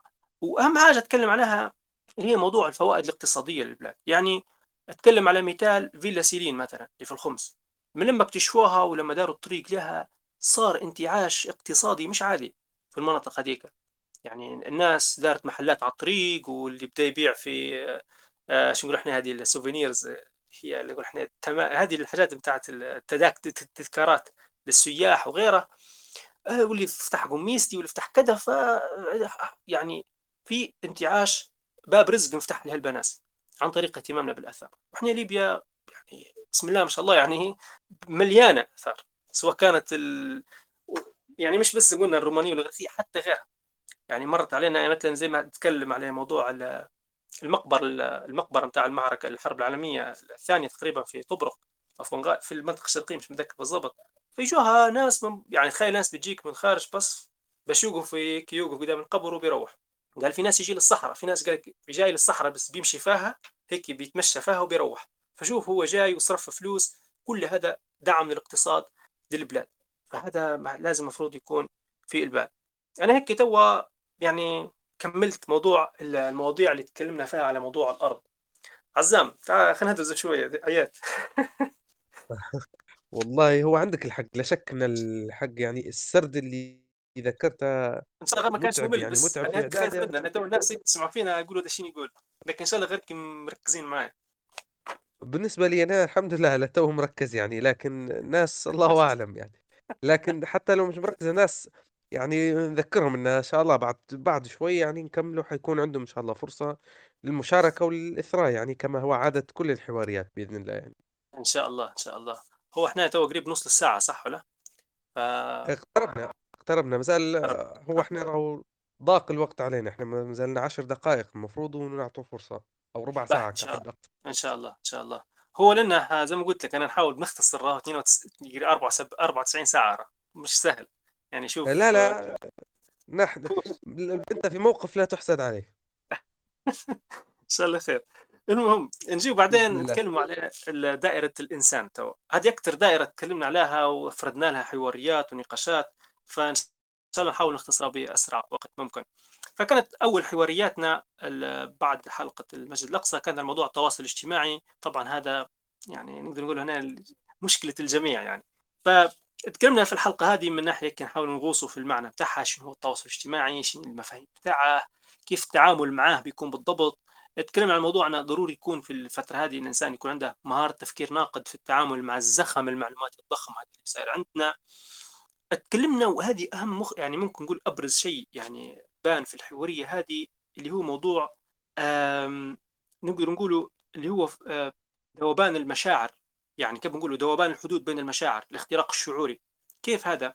إحنا تو لما نصفحوا مثلا في التواصل الاجتماعي ال social media خاصة الفيسبوك وغيرها تقابلنا منشورات مثلا منشور محزن منشور مفرح كذا فنتفاعل معاه نديره في الضحك ولا نديره في الحزن. لكن هذا كله بسطحية. فإحنا مش قادرين أصبحنا في قد... ما عادش قادرين نحزنوا بشكل حقيقي ولا نفرحوا بشكل حقيقي. ده كله هيك سطحي يمر علينا يصير نوع من التبلد الشعوري وهذا خطير جدا. آه... تكلمنا أيضا عن موضوع إن راهو حاليا مواقع التواصل الاجتماعي تشتغل على ما يسمى باقتصاد الانتباه. اقتصاد الانتباه هذا يحاولوا كيف يشدوا انتباهك بأكبر قدر ممكن عشان يعظموا الأرباح عن طريق الدعايات وغيرها. فكل معظمهم مبنيين على الطريقة هذه ويستخدموا أيضا في استراتيجيات اللعبة أو نقولوا ال gamification. يخلوك كأنك أنت داخل لعبة. بتحاول إنك أنت تلقط ال likes وتلقط التعليقات والمتابعات وغيرها. بحيث إنك أنت تقعد كل شوية لا بتحاول تشوف. زي الادمان اللي يقع فيه بعض الأطفال ولا الكبار اللي يلعبوا الألعاب يبدأ الإنسان يحس به لما هو يتعامل مع التواصل الاجتماعي. من الاستراتيجيات اللي تكلمنا عليها في موضوع التعامل مع التواصل الاجتماعي وهذه من الحاجات الجميلة اللي هي يسمون في تق... يعني ممكن نقول الترجمه بالعربي تقليل التسمم الرقمي يعني detoxification أو حاجة زي اللي هي شنو؟ إنك أنت تدير نوع من الصيام. على التواصل الاجتماعي. يعني بين خيارين. يا اما تقول أنا بنقطع نهائيا ما عادش بنستخدم لكن عادة هذه الناس اللي يديروا الطريقة دي ينتكسوا ويرجعوا من جديد. وإلا دير عملية الصيام. زي ما إحنا نديروا الصيام مثلا في شهر في شهر رمضان عن الأكل وكذا لفترة معينة. فالإنسان يقول أنا خلاص لا أنا من الساعة كذا للساعة كذا أنا حنكون صايم لن أستخدم التواصل الاجتماعي. فتحدد أنت وقت محدد بحيث إنك أنت حتى لو أنت تقول انت بنشوف وكذا لا تصبر. انك عارف عارف نفسك عندك. عندك ساعة معينة حتشوف فيها التواصل الاجتماعي أو تشوف التعليقات أو الرسائل بحيث نفس تخفف على روحك. أه تكلمنا في هذه الحلقة الأولى طبعا الحلقتين كانوا مفتوحات ما فيش ضيف محدد كانت مشاركات للجميع. أه تكلمنا على موضوع في الحلقة الثانية كانت منها يعني الحلقة رقم ثلاثة بالضبط على موضوع العلاقات الاجتماعية والتربية كيف التعامل معها فكيف إحنا التواصل الاجتماعي ساهمت في الموضوع هذا فكان يعني معلومة حتى أساسية جدا وخاصة لما تعاملوا مع الأطفال. راهو الأسرة هي الرافد الأساسي وهي الأساس قبل ما الطفل المفروض يخش على ال social media. لو كان الطفل ما فيش في الحوش اهتمام وما فيش رعاية وما فيش تعليم تثقيف حقيقي للطفل يدخل على التواصل الاجتماعي راهو حيبدا إجابات يبدأ يدور فيها من من الاخرين حيتع... يعني خلاص ممكن تخسره. لازم البيت والأسرة تكون لهم دور أساسي من قبل ما الطفل يدخل على التواصل الاجتماعي. طبعا هو ينصح إن الطفل ما يمنع من الموضوع هذا لأن حتى كبرى الشركات يعني الناس اللي تخدم في كبرى الشركات ما يخلوش في أطفالهم يدخلوا للتواصل الاجتماعي من عليه مش حنكتر أكثر حنحاول ندير سرد سريع لأن الوقت ما يسعفناش. التذكير فقط بالعناوين لعله يلهمكم أن ترجعوا مثلا تسمعوهم أو أن تستفيدوا من المواضيع اللي فيهم. فتكلمنا على موضوع تعليم الأطفال والت... بين المنزل والمدرسة شنو الفرق ما بيناتهم؟ مشكلة النظام التعليمي الموجود الحالي موضوع التركيز الكثير على موضوع الشهادة. ناقشنا موضوع النظام التعليمي وغياب المواد المهمة اللي المفروض تكون فيه في الحياة. فهذا المفروض يعني الآباء والأمهات يحطوا الموضوع ده في بالهم بحيث إنه يحاولوا يعوضوه في البيت. في حلقة أخرى مهمة جدا هذه حلقة الصحة النفسية للأطفال والطب النفسي في ليبيا. استضفنا فيها أطباء نفسيين من الهيئة الدولية الطبيه تكلمنا على موضوع الستيغما أو العار بتاع ان موضوع أنا ما نمشيش لدكتور نفسي بالعكس يعني تو حاليا هو الحمد لله يعني في نوعا ما صحوة بدات الناس عادي تقبلت إنها تمشي تمشي لأطباء نفسيين ويعرضوا نفسهم عليهم فشيء كويس خاصة إحنا في ليبيا مرينا بحروب صراعات نفسية صعبة جدا. طبعا ومهم الأشياء اللي تكلمنا عليها موضوع إنك أنت الطفل يمر بمراحل يعني فترات يعني من من من الشهر لستة شهور لغيرها فما تقدرش أنت تقارن ممنوع المقارنة الأطفال ببعضهم هذا خير وكذا غلط لأن كل طفل له مراحل نمو مختلفة عن الثاني فيقدروا هم يراجعوا فيها الأطباء النفسيين في الموضوع هذا. طبعا واحد من الإشكاليات اللي موجودة عندنا إحنا للأسف نتمنى أنها يعني تختفي موضوع الضرب للأطفال. يعني يجي يقول كان نضرب الطفل لأن إحنا زمان أهلنا ضربونا وإحنا أصبحنا يعني ما فيناش مشكلة. يعني هذا يعني جريمة ارتكبوا فيها في حد الأطفال بعدين هم يقول لك عندهم اضطرابات نفسية ويقول كثير المجتمع عنده اضطرابات نفسية هم كانوا ينضربوا بشكل مبرح يعني. وتسكيت الطفل وعملية القمع اللي تصير ليه دي كلها تكسر في تكسر النفس عند الطفل وتخليه فاقد للثقة. قاعد بنقول ما عادش بنزيد لكن أعتقد إن حنحاول نسردهم تو ما عادش بنخش في التفاصيل. آه، في حلقتين درناهم على موضوع. آه، ذاتنا ونفسنا كيف إحنا نعرف هويتنا. واحدة كانت مع الأستاذ أشرف الوداوي وواحدة ثانية ما كانت مع الأستاذ محمد خليفة. الأولى كانت آه، على موضوع مفهوم النفس وكيف إحنا نرباها والثانية كانت بشكل أعمق على موضوع الهوية بشكل أساسي خاصة إحنا الهوية الإسلامية وكيف تأثرنا بالأفكار الوافدة الغربية والأصنام الفكرية. هذا موضوع جميل جدا. في حلقة تكلمنا عن موضوع العادات الاجتماعية في ميزان العقل والشرع وتكلمنا عن موضوع الأفراح والمناسبات. طبعا البنات بالذات خاصة في كثير من العادات الاجتماعية للأسف محتاجين نرعاها ولازم تكون مضبوطة بالشرع. كانت مع الأستاذة مريم محمود موسى. درنا سلسلة حلقات عن موضوع الزواج والخطبة. يعني حرام مش حنذكر التفاصيل تفاصيل جميلة جدا ذكرنا فيها. كانت الحلقة الأولى مع الأستاذ علاء الدين وعز الدين وزوجته كريمان. كانت حوارية أكثر من رائعة يعني استمتعنا بالحوار ما بينهم الاثنين. حكوا لنا تجاربهم وحكوا لنا شو النصائح اللي يقولوها للشباب كيف موضوع يختاروا اختيار الزوجة. يعني تجربة كانت جميلة جدا. كانت في حلقة حقيقه لا تقل روعة لكن كانت نوعا ما فيها نوع من التركيز على الجانب الشرعي مع الأستاذة منى الشريف. حلقتين كانوا على موضوع الخطبة والزواج والحياة الزوجية. الأولى كانت على موضوع الحكم الزواج. طبعا هو حكمه مستحب عامة ويسري عليه الأحكام الخمسة اللي هي المكروه والحرام الخمس الأحكام المعروفة في الشرع. شيء المعايير المفروض يخت... يحطها في بالهم زي العمر والشكل والخلق والفكر والمستوى الدراسي والاجتماعي. في تفصيل على موضوع الإرشاد النبوي إنه هو له إرشاد يعني يعني نقدر ناخذوه للهداية لنا لكن هوش أحكام واجبة. آه معيار التدين هو التقوى. آه في طبعا تكلمنا في الحلقة اللي بعدها مع منى الشريف نفسها على موضوع حقوق واجبات كلا الزوجين كيف الزوجة أن هي لازم تكون حاسمة في موضوع لو أنها كانت في الشريك متاعها صفات غير جيدة يعني يعني خطأ يعني بنقول إحنا كبيرة جدا تطلب الطلاق مباشرة فيه شن ضوابطه ونص نصحط الجميع بقراءة وتفسير سورة النور بالطلاق سورة النساء لفهم الأحكام آه، في الموضوع هذا. ووجه طبعا رسائل وهمسات للمقبلين على الزواج. فكانت حلقة آه، جميلة جدا. طبعا هذول جرت بعضهم هم 17 18 19 هذول حلقات اللي تكلمنا فيهم على موضوع الزواج. تكلمنا أيضا عن موضوع المرأة والأسرة الليبية في ميزان في يعني مساواة الأمم المتحدة والعدل الإلهي. تكلمنا خاصة بالذات على موضوع آه، معاهدة سيداو شين أثرها في الموضوع هذا وكيف الاتفاقية وأثرها على ليبيا مش ليبيا بس أي دولة طبقت معاهدة سيداو وشين الآثار اللي راح تكون فيها شنو الفخوخ اللي يعني الفخ اللي تحاول الأمم المتحدة توقع فيه الشعوب. كانت مع السادة رقية بن حامد وخيرية الدباغ. في حلقة أخرى تكلمنا على موضوع النسوية. النشأة والمآلات كانت خاصة على موضوع الحركة النسوية. تاريخها كيف كان في في المجتمع الغربي كيف تطورت إلى أن وصلت خشت. يعني الإلحاد وأصبح كأنه إله يعني يعبد يعني الناس. آه، والدستور كيف أنه كان يمنع. الدستور هو حائط صد أمام الحركات النسوية والسيداء وغيرها. فهذه كانت الحلقة مع الدكتورة حنان شلوف.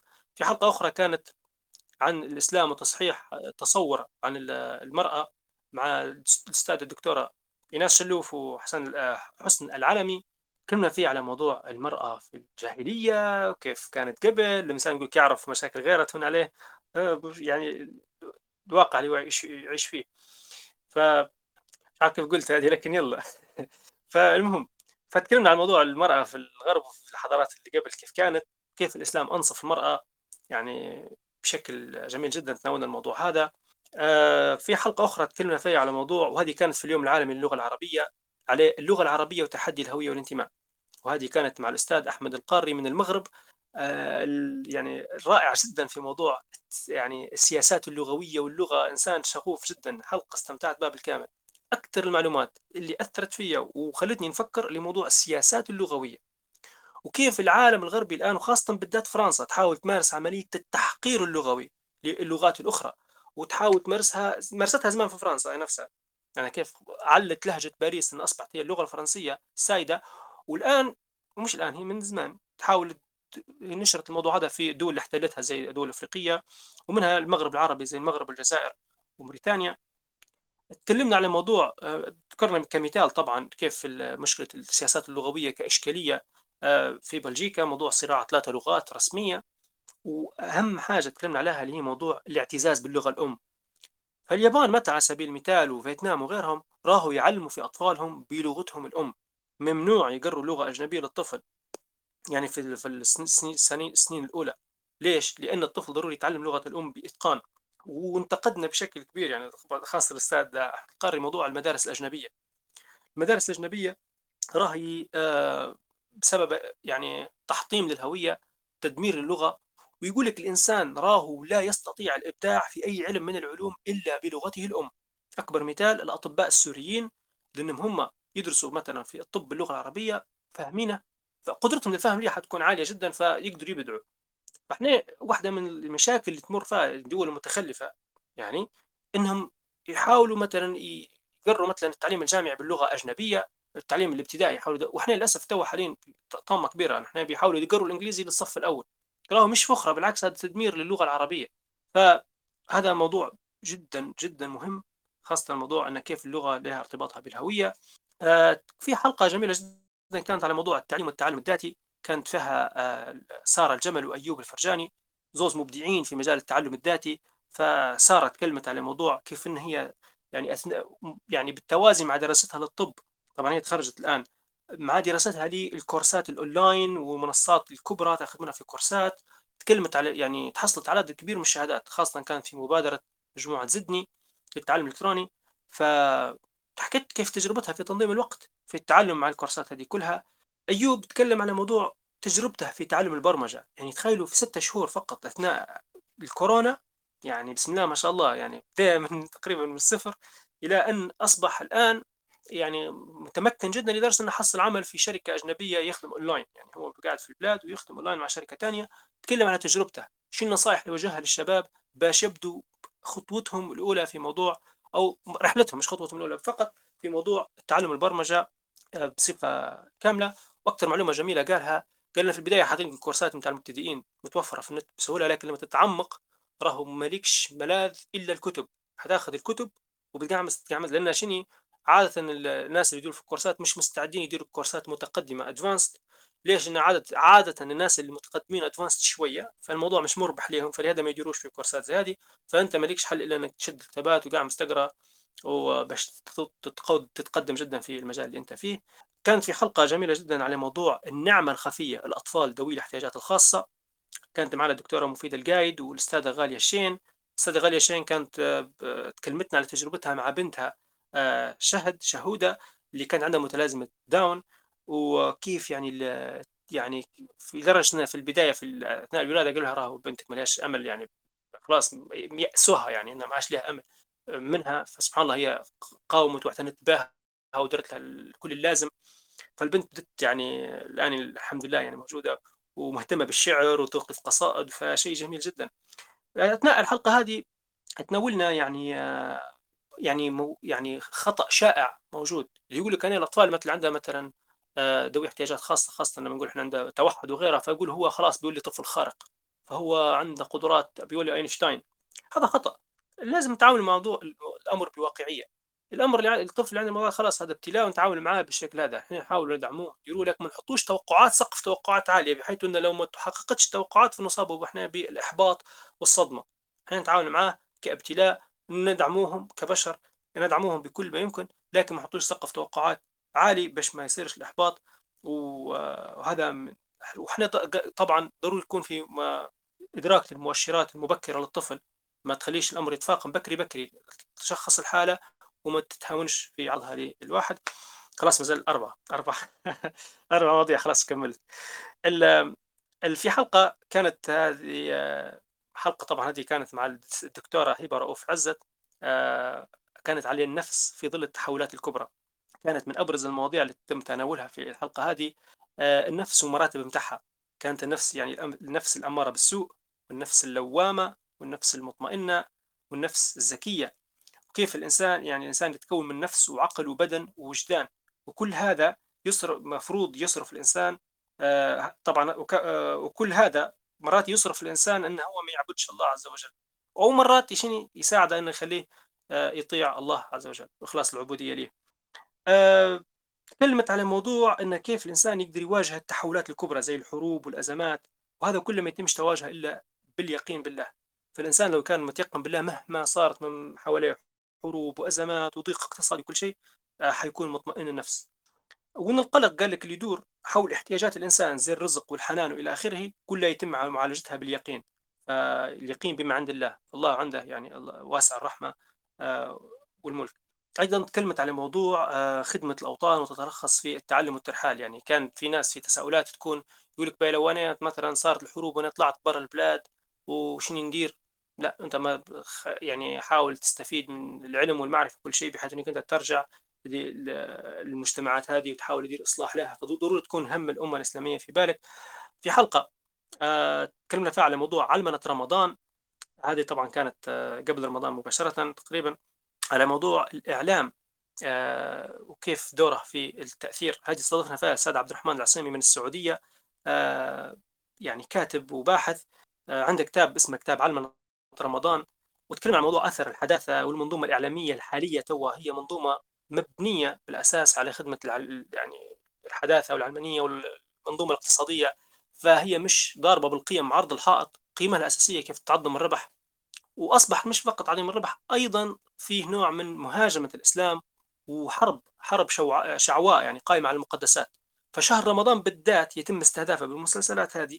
ليش؟ هو يعتبر رمز مقدس عند المسلمين فضربك أنت الضرب الرمز المقدس هذا وتضعيفه في قلوب المسلمين يعني حي حيسبب يعني يعني إضعاف يعني كيف بنقولها قيمة الأسلام عند الناس وأيضا تخليهم يعني ما عندهمش دفاعات آه، تقاوم حركة العولة العولمة اللي صايرة هذه والفكرة اللي نقول إحنا ما بنقولها بالإنجليزي الماتيرياليزم هذه المادية وموضوع إن الإنسان يبدأ استهلاكي الاستهلاكية. آخر ثلاثة مواضيع تكلمنا عن الموضوع آه، قبل يعني بعد رمضان في العيد هذا تكلمنا عن الموضوع آه، شنو استفدنا من رمضان. كانت مشاركات جميلة جدا. يعني سمعنا فيها يعني كثير يعني من التجارب الطيبة خلال شهر رمضان. وممكن أبرز الحاجات اللي ممكن المفروض تقعد في البال اللي هي موضوع التعامل مع شهر رمضان كمناسبة.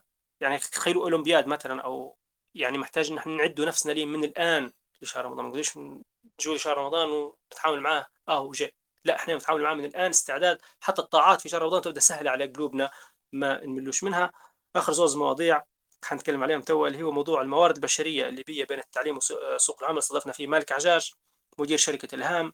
تكلمنا عن مشكلة سوق العمل وعلاش صاير في شح في الموارد البشرية في ضعف في المخرجات التعليمية.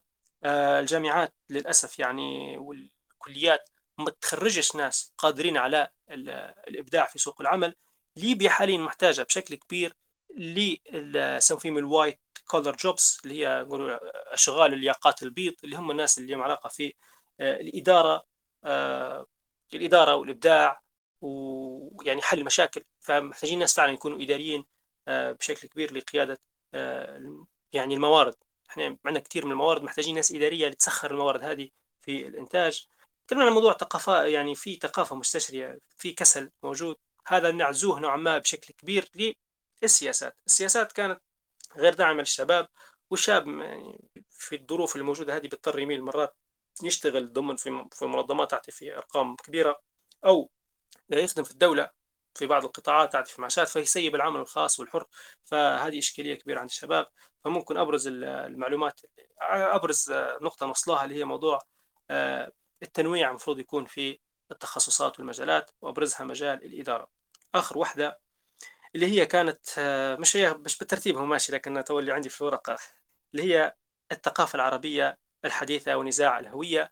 هذه كانت من أدسم وأقوى الحلقات صراحة لو حد بيركز فيها يعاود يسمعها ويكتب فرقة كانت مع الأستاذ عبد العدي عبد المنعم أديب من مصر. تكلمنا فيها على موضوع شنو معنى الثقافة وكيف تأثيرها على الحضارة. وتكلمنا على الثقافة هي كمجموع العناصر الفكرية والمعنوية والروحية لأي أمة. فالأمة مثلا العناصر اللي تكونها هي هذه اللي هي نقول إحنا الثقافه نتاعها الفكري والمعنوي والروحي. آه، والعقائد نتاع المجتمع وأفكاره ونمط المعيشة كل كل هذا يساهم في موضوع الهوية نتاع الناس. ولو نجي نتكلم إحنا عن الحضارة العربية الحضارة العربية الحديثة والحضاره العربية بصفة عامة هي ما يقصدوش بها العرب اللي عندهم عرق عربي لا. هي اللب نتاعها هو الإسلام واللغة العربية. الحضارة العربية هي الأساس الجوهري نتاعها هو الإسلام واللغة العربية. فيها مكونات رافدة قال لك تساعد فيها زي الأديان الأخرى الموجودة قبل الحضارات السابقة ترجمه غيرها كل هذه تزيد هيك كلها متغيرة حتى السلطان والحكم كله يمشي ويجي. الثابت الثابت في الحضارة هذه هو الإسلام واللغة العربية فالتمسك بهم أمر أساسي جدا للحفاظ على حضارتنا. لو ضيعناهم خلاص انتهت الحضارة العربية. فتكلمنا أيضا على كثير من المشاكل اللي يمر بها يعني الحضارة العربية في مشكلات كبرى زي زي القلق الوجودي إشكالية القلق الوجودي يبدأ الشاب كذا يقول لك حس مع مع مع الهيمنة الغربية الآن اللي صايرة وكل شيء يبدأ يقول لك أنا ما عنديش حضارة ما عنديش ثقافة. يبدأ يشك في نفسه.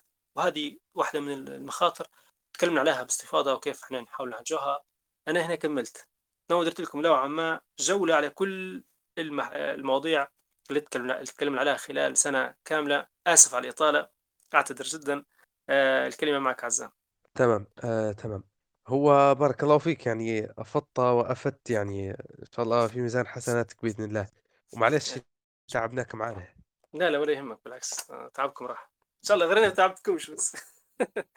خلاص اسمع بالنسبة لموضوع المحورين الثانيين خلوهم بكي لو ما فيش مشاركات وكذا نحكوهم. لكن تو أفتح باب مشاركات لو أي حد مثلا يقول شيء بيعلق بيعبر آه شو استفاد هو مثلا خلال أو هي أو. تمام ممتاز ما فيش مشكلة. هذا أفضل يعني ممكن للجمهور. خلي تفتح لهم الباب للمشاركات. إذا زي ما قال عبد الرحمن حاليا يعني اختصارا عليكم يعني آه نفتح باب المشاركات لكم. وكما هو المعتاد يعني من أراد المشاركة وإبداء رأي أو إبداء ملاحظة أو سؤال في يضغط على الزر اللي عنده في الشاشة اللي هو طلب التحدث أو شيء اللي هو يرفع يده. بحيث أن نعطي الأسبق أو الأول من أسبق زمنيا ورفع يده الفرصة للمشاركة يعني الآن بإذن الله تعالى. حتى ذلك الحين ربما البعض ممكن حاليا معنا والبعض لا. باختصار ممكن عبد الرحمن البعض ربما يعني يرى المشاريع هذه خلينا نسموها المجالس الثقافية والمنتديات الفكرية. البعض ربما يستبشر بها خير ويراها فرصة ممتازة ويجد فيها أمر طيب. لكن البعض في جهة أخرى آه، يتفه من قدرها ولا ولا يرى لها أهمية ولا ينظر أنها ستثري المجتمعات ولا ستثري الأمم. فكيف كيف نتف... كيف نتعامل مع من يراها بهذا الشكل يعني؟ ولا يلقي لها بالا ولا يعطيها قيمة. فكيف نحفز فيه وكيف نريه قيمتها الحقيقية يعني. ثم بعد ذلك نحتاج في الختام نصيحة ختامية لكل من يرغب في فعل أي عمل نافع للمجتمع بشكل عام. آه، بارك الله فيك عزام. سامحني على الإطالة لكن نحاول نتكلم تو على الإجابة هذه. آه، طبعا المجالس نقول إحنا الثقافية أو المنتديات آه، أو الصالونات الثقافية تختلف المسميات والمقصد واحد. طبعا هذا موجود يعني في حضارتنا الإسلامية وحتى نقول من أيامات الجاهلية يعني موجود. هذا شيء في ثقافتنا وفي موجود بشكل أساسي. فزمان كانت تسمى مجالس الأدب يعني كان بنشبهها نفس الثقافة إحنا نقول إحنا ثقافة زمان كانت هي نفس المفهوم نقول الأدب. فكانت المجالس هذه شائعة وتستقطب الجميع يعني. من من المجالس المشهورة زمان لو واحد يعني من باب التنويع إن في مجلس زمان كان يسمى مجلس السيدة سكينه بنت الحسين. آه رضي الله عنها حتى كانت يعني دايرة مجلس تستضيف فيه الناس يتناقشوا فيه في الأمور الأدبية والشعر وغيرها. ف يعني كان متنوع يعني. رجالا ونساء كانوا كلهم مدارين كل واحد مجالس آه للتبادل هذا. مختلف الطبقات الأغنياء الفقراء حتى في قصور الملك في الناس المثقفة العادية فكانوا الموجود هذا يعني كان هذا موجود. كان تلقوا حتى في أسواق الكتب فيدوروا في ناس تتجمع تتناقش تحكي تطرح مثلا مواضيع اللي بيقول شعر يقول اللي بيقول كذا فهذا كان موجود. الحضارة الإسلامية كيف تعاملت مع الموضوع هذا؟ تعاملت معاه آه، بقبول دعماته شجعاته وبالعكس الناس كانوا يمشوا للمساجد يقيموا فيه آه، الشيء هذا. فواحدة من الحاجات الجميلة اللي قابلتني في طبعا في مقال يتكلم عن الموضوع هذا باستفاضة جميل جدا ننصح به للكاتب آه، أحمد مولود أكاه. آه، اتكلم عليه هو العنوان بتاعه اسمه وظفت وظفت الدراما وأشهرها ميدان الفاروق للنقاش وقبة الشعراء بجامعة بغداد الصالونات الثقافية من السيدة سكينة إلى مي زيادة. فالجميل قال لك اللي يقول الجاحظ في كتاب البيان والتبيين يقول ابن عباس رضي الله عنه كانت قريش تألف منزل أبي بكر الصديق رضي الله عنه لخصلتين.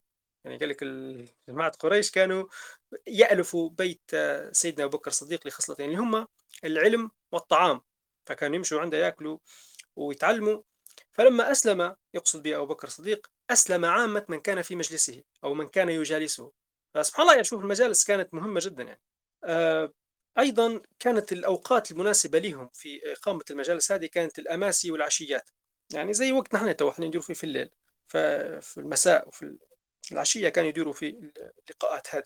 فكانت تسمى أيضا السمر. فيقول أيبك آه، الدوادري في كنز الدرر يقول لك السمر إيش معناها كلمة السمر؟ هي يقول لك المحادثة ليلا. وأصل السمر قال لك هو ظل القمر. فكانوا يجلسون فيه للحديث فاستعير الاسم لحديثهم.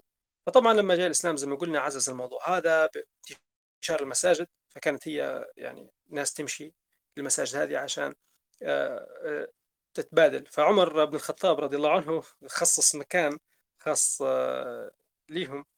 ف فخدم كان ناحية المسجد سماه البطيحاء أو البطحاء باش الناس تتناقش فيه وتتثقف في الموضوع هذا. يعني علاش الكلام هذا قلته تو؟ هذا باش نبين أن موضوع نحن إقامة مجالس للتذاكر وكذا طبعا أهم أهم مجلس. حنحط عليها 10 خطوط. اللي هي المجالس القرآنية. أكثر شخص يعني سمعت حد لحد الآن في خلال القراءة وكل شيء مركز على الموضوع هذا. مثلا نسمع فيه الشيخ فريد الأنصاري رحمة الله عليه.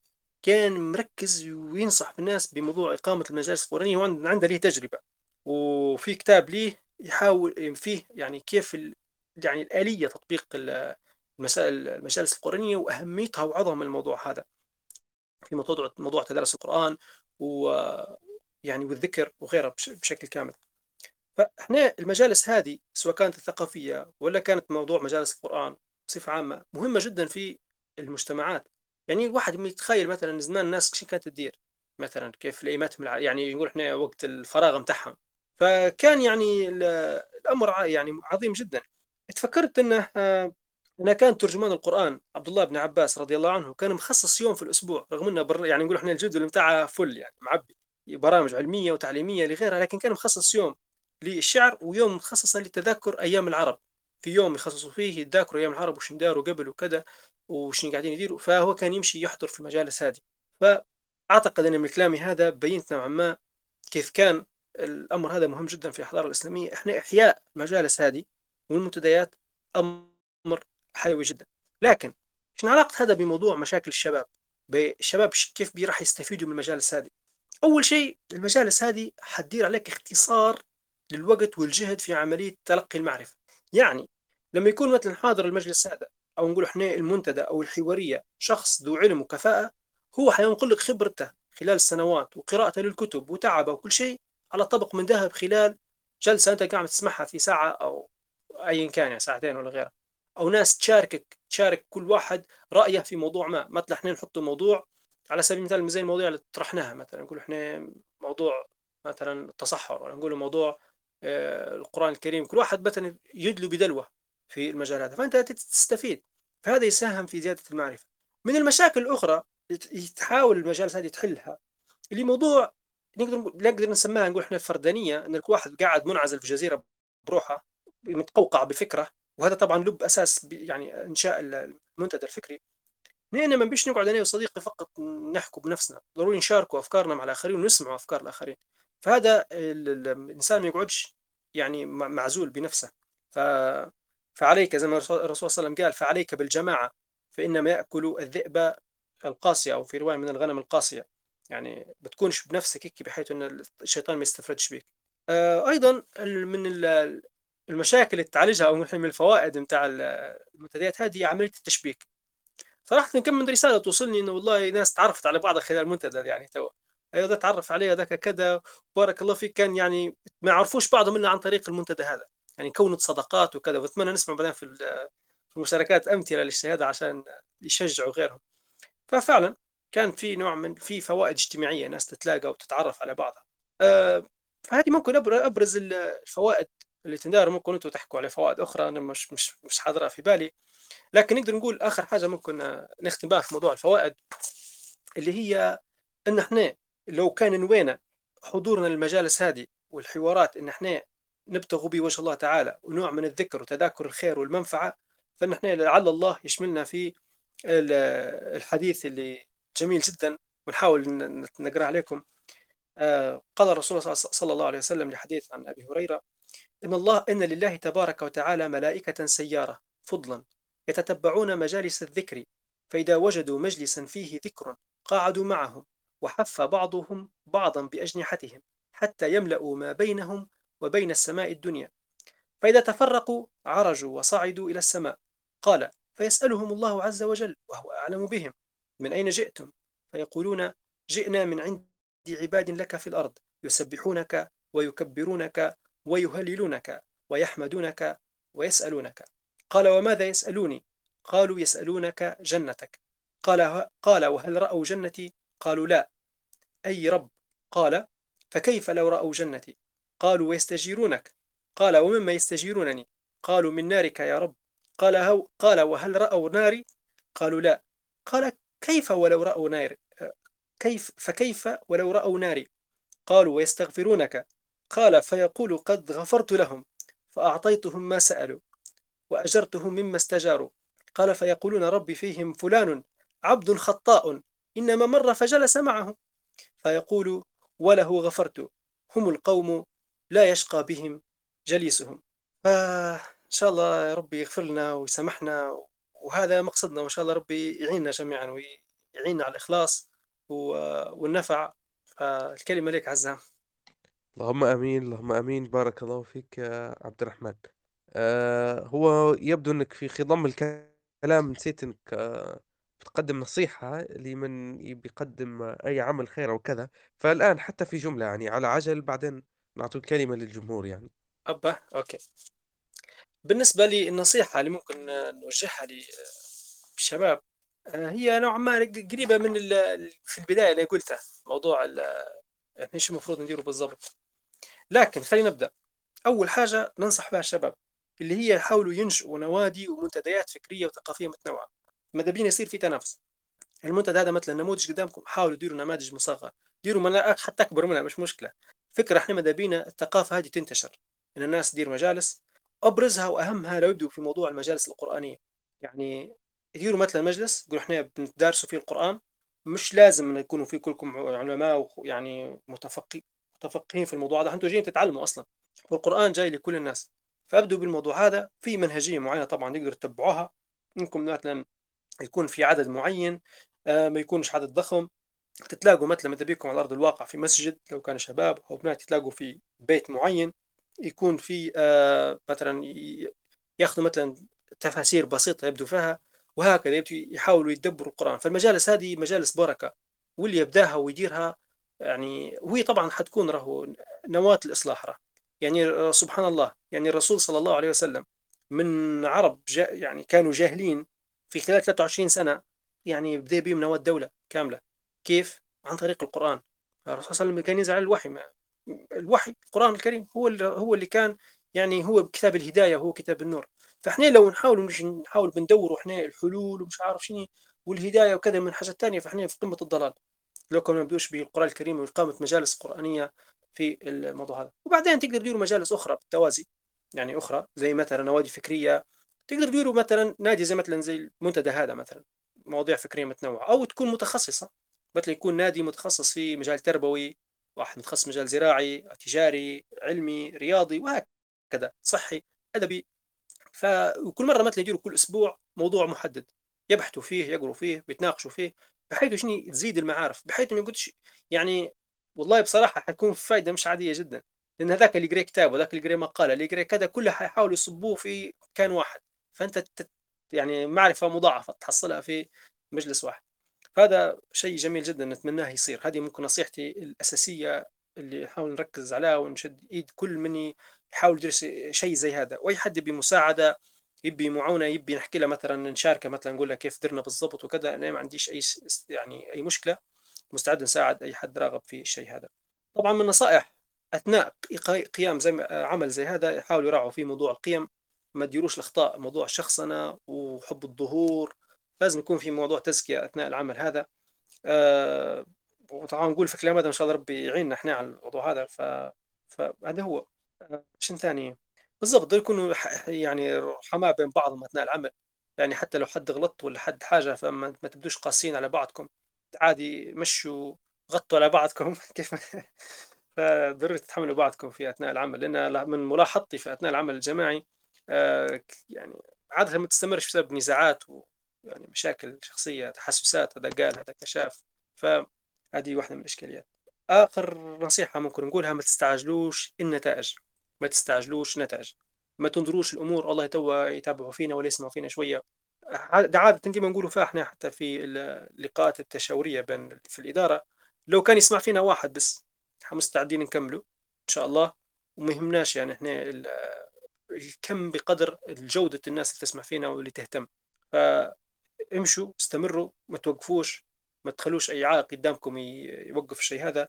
آآ التسويف، إياكم والتسويف، إياكم والتسويف، جتكم فكرة سجّلوها طول. ف يعني عجبني زمان كتاب ابن القيم الجو ابن القيم الجوزي، يعني كان كل ما تخطر له فكرة يسجّلها طول، لهذا سب دار كتاب اسمه صيد الخاطر، بسبب تسجيله للخواطر اللي تخطر على باله. فإن شاء الله نشوفوا هلبة صيد خواطر كمنتديات وكمشاريع للشباب. هذه آخر كلامي وأنا آسف على الإطالة والتطويل. تمام، تمام، بارك الله فيك، أحسن الله إليك يا عبد الرحمن، جزاك الله كل خير. إذًا آآ بهذا آآ ما شاء الله يعني عبد الرحمن ينهي آه، كلمته، ونفتح الباب للأفاضل في الجمهور، من عنده مشاركة، من عنده سؤال، من عنده حتى feedback فوري يعني للمقدم لهالحوارية، ف فصدره رحب يعني بإذن الله سبحانه وتعالى للانتقاد حتى الآن. فنفتح لكم ال الباب، ننتظر يعني المشاركات والاقتراحات. كما قلنا ال ال اللي حابب يشارك يضغط على الزر يرفع يده بحيث إن نفتح له ال المجال بإذن الله تعالى. طبعًا عزام ما دام إذا الحين يعني الحين أي حد يشارك الآن على موضوع ال الfeedback وال أو نقول إحنا التغذية الراجعة أو النقد أو النصيحة، جدًا بنحاول نزيد نركز عليه مرة أخرى، يعني إذا كان مثلًا موضوع مثلًا إنسان عنده خجل في موضوع المواجهة أو إنه يحكي أو يقول لك أنا غير يعني بنزعل نفسي وكل شيء، يعني بنحاول ندير له مثلًا نموذج هو في نموذج موجود يعني عادةً يقدر الإنسان يخش يشارك ويعب يعبّر على رأيه في الموضوع هذا. بس بغض النظر على المنتدى ولا غيره حتى أنتم في حياتكم مع غيركم آآ يقابلكم نموذج مثلًا تعبئة وكذا حتى بشكل شخصي بلاش، ومن الأفكار الجميلة واللطيفة التي خارج السياق هي في موضوع إعطاء النصيحة يُفضّل لو تكون كتابية مثلًا، إنسان مرات يكون عنده خجل إنه يقولها بشكل شفهي، فأنت دير قصاصة ورقية مثلًا.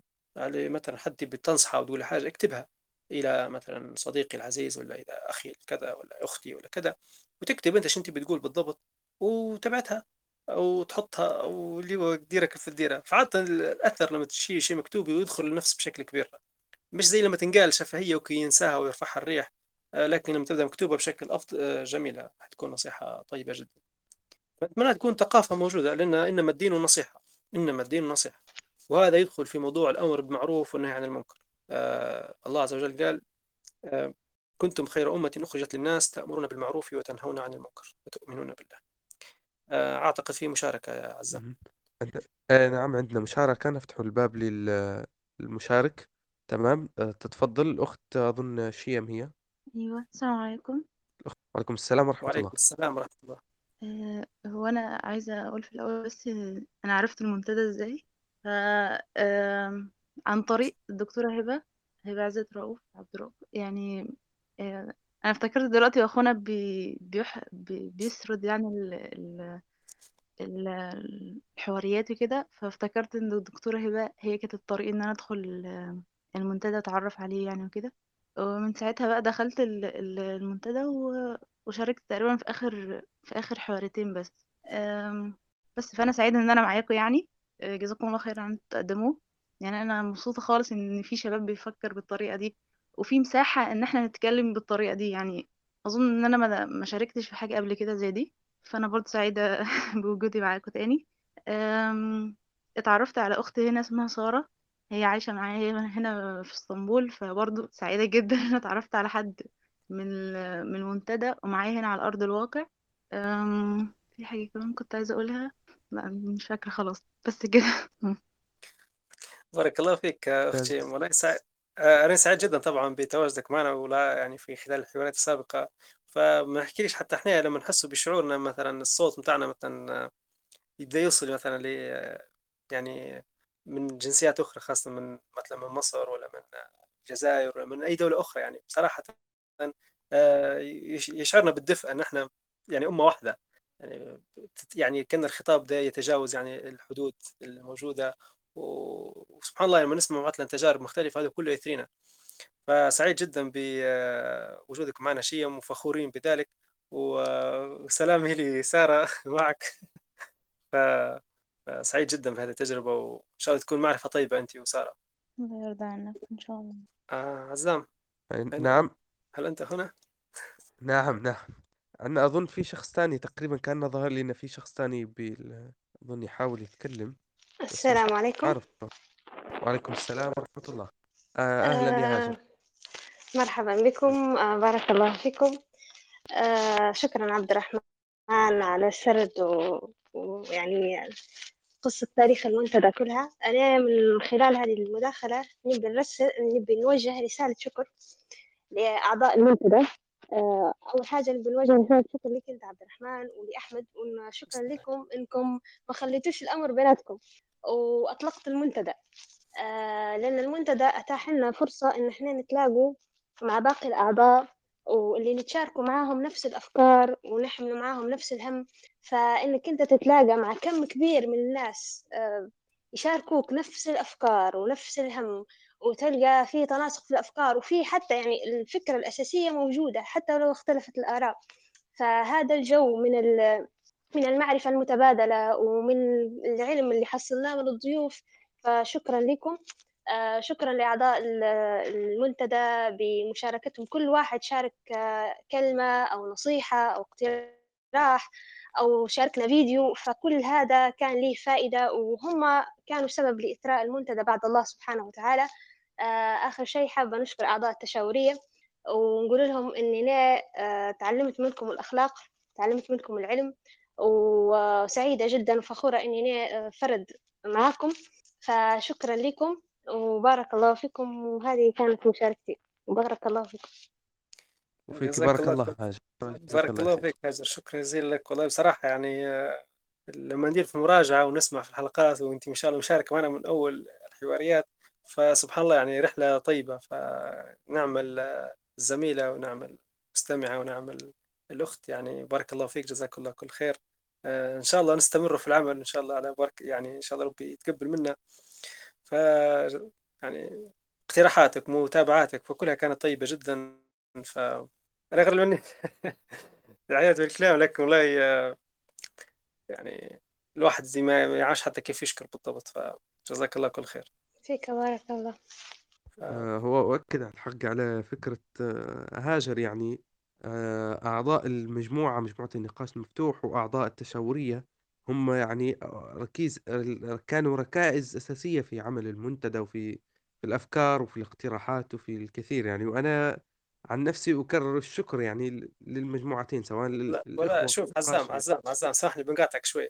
والله شوف أنا آه. حتى من البداية لما بديت في الواحد وكذا. إحنا بجد مش موضوعنا أشخاص. والله بصراحة أنا نتمنى لو حتى كان الأسماء تختفي كان هيك طريقك نخفى بالأسماء لأن مش مش تركيزنا أشخاص. والله ما هو تركيزنا قيم. حاولوا نطبق قيم. لو شفتوا منا خطأ رجاء واجهونا به. هذا خطأ. وقفوا. هذا شيء غير صحيح. يعني وحتى في النقاشات الأولى لما كانت ليش إحنا المنتدى ناس السوء؟ راهي واحدة من الأهداف إن إحنا نديروا نموذج يطبق قيم. للأسف مش نتو نعمم ولا شيء لكن في ضعف في الموضوع هو وتحدي راه والله ما هو شيء يعني مش مش يعني يعني كيف بنقولها مش شيء سهل على النفس. يعني مرات مثلا على موضوع اختيار ضيوف أنت تلقى نفسك مضطر تاخذ الضيف هذا أنت مرات أنت نفسك مش مرتاح لها وأنت مش طايقة نقول إحنا مش حابة بشكل كبير لكن المنطق والعقل وهذا الشخص متمكن من مجاله أكثر من هذا الشخص. فأنت مراعاة للمبدأ يعني الكفاءة والقدرة هذا الشخص يتم استضافته. ما بندخلوش موضوع الأهواء الشخصية في شيء زي هذا. هذه من القيم اللي نحاول نبغى نرسوها من خلال العمل هذا وثقافة تنتشر للآخرين. أشخاص إحنا إشكالية إشكالية موجودة في مجتمعنا التمحور حول الأشخاص. هذا الشخص فعل هذا الشخص دار. لو كنا إحنا ما عادش نتكلم بالموضوع هذا نشوف المنتج في حد ذاته وهذا المنتج هل هو موافق للقيمة ولا لا أعتقد حننتقله نقلة آآ مش عادية. أعتقد عزام في مداخلة الآن صح؟ آآ آآ نعم آآ تمام. الدكتورة أظن آه، نعطوا المجال لل دكتورة إيمان لحظة بس أنا عندي يعني عندي كان إشكال لحظة تمام، تمام تفضلي تكلمي. موجودة. السلام عليكم ورحمة الله وبركاته وعليكم وعليكم السلام السلام. ورحمة الله وبركاته. كل سنة وأنتم طيبين أنا ما الحلقة اللي فاتت الحوارية اللي فاتت فاتتني لكن سمعتها بعدين آه بالنسبة لي واضح صوتي واضح صوتك، واضح صوتك. واضح. إيه نعم، بالنسبة نعم. لي أنا انضميت للمنتدى هذا في حلقة الأستاذة مريم بن موسى هي تعتبر يعني هي اللي بعثت لي الرابط لما كانت ضيفة أو محاورة معكم الحق من أجمل المنتديات أو استفدت هلبة يعني من غير مجاملة استفدت هلبة من المنتدى هذا وزي ما قلت في كلام ممكن نبقى قايلاتها من قبل إن أنا حتى الحوارية لما تفوتني نحضرها مرة تانية في وقت تاني يعني. آه، أكتر شيء عجبني في المنتدى إن حسيت إن في جانب مشرق في الموضوع إن ما شاء الله شبابنا نساء ورجال في هلبة كويسين ومثقفين ويعني الواقع ممكن أو اللي نشوفه فيه برا من القصص والأخبار اللي توا تصير ورا بعضها كلها ممكن محبطة أو أغلبها ما نبيش نعمم. بس لما نشوف شباب زيكم أنتم ما شاء الله على قدر من آه، العلم والثقافة والدين أنا الحق آه، ارتفعت معنوياتي هلبة آه، معجبة جدا بكم محاورين وضيوف وحتى المستمعين اللي يشاركوا الحق ما شاء الله يعني الكل الكل استفدت منه. انفتحت قدامي آفاق جديدة. أنا كنت حاصرة نفسي في الطب. طبعا آه، آه، تخصصي ومجالي ونحبه والحق كنت زمان حاصرة نفسي فيه لأن عندي شغف فيه كبير. بس بعدين اكتشفت إن لا إن كويس لما الإنسان يفتح آه، عينه على مجالات تانية إنه يفهم الدنيا حواليه ما يحصرش روحه في حاجة معينة خاصة إن ما في شيء دايم يعني إلا وجه الله طبعا. باعتبار إن أنا صار لي ظرف و... وشبه يعني انقطعت على مجال عملي. فلقيت إنه بالعكس في حاجات تانية هلبة كويسة ومفيدة إن الإنسان يعرفها وإنه يفهمها ويستفيد منها ويزيد ينمي المدارك متاعه. م، تقريبا هذا هو يعني. نتمنى إن كل اللي صار آه، يكون خالص لوجه ربي. ونشكركم مرة تانية فعلا بجديات آه، يعني ناس من أروع ما يكون على الأقل يعني ثقافيا وعلميا يعني هذا اللي أو ال- أو ال- طريقة التواصل معكم يعني وبارك الله فيكم على كل ال- المواضيع اللي فتحتوها آه، لو تزيدونا بس موضوع تاني على الأطفال وهيك على التربية وعلى نكون مشكورة يعني ال- الأيام الجاية وفيكِ بارك الله بارك فيك. الله آه، دكتورة. بارك الله فيك دكتورة إيمان والله سعيد جدا بوجودك معنا وصوتك ال... يعني لما نسمعه سا... أنا عن نفسي نسعد بالاستماع لك و... و... ومشاركاتك الطيبة وبإذن الله تعالى يعني اقتراحاتك دائما تحط في بعين الاعتبار إن شاء الله تخصص حلقة ق- يعني ما نقدرش نقول تولي مجزية لكن في الخطة إن شاء الله بتكون للأطفال بارك. الله فيكم عندنا عندنا مشاركة أخرى آآ الم المس المجال مفتوح، المجال مفتوح للأخت المشاركة. السلام عليكم وعليكم السلام ورحمة وعليكم الله السلام وبركاته. أول شيء بارك الله فيك أخوي عزام وبارك الله فيك عبد الرحمن آه، على. طرحك وسردك للحلقات. آه، فعلا والله رجعتنا خطوة بخطوة آه، لكل الحلقات رغم بقاء الأثر. آه، فكل شكر آه، ليك ولكل الفريق القائم على هذا المنتدى. بجد كانت المساحة المنتدى كان مساحة لطرح الأفكار. آه، تعلمنا فيها حاجات جديدة. تعرفنا على أشخاص ذوي خبرة من جميع التخصصات. أنا عن نفسي كونت صداقات جديدة وتابعت هلبة أشخاص على مواقع التواصل الاجتماعي. تعرفت عليهم هنا في المنتدى. آه، الحواريات كانت بمثابة نقطة الانطلاق في العديد من الاتجاهات. بصراحة ما كانتش مجرد حلقة وتنتهي لا لا كانت تفتح في آفاق جديدة وضوء في لمبات قدامي. آه، فإن شاء الله في ميزان حسناتكم.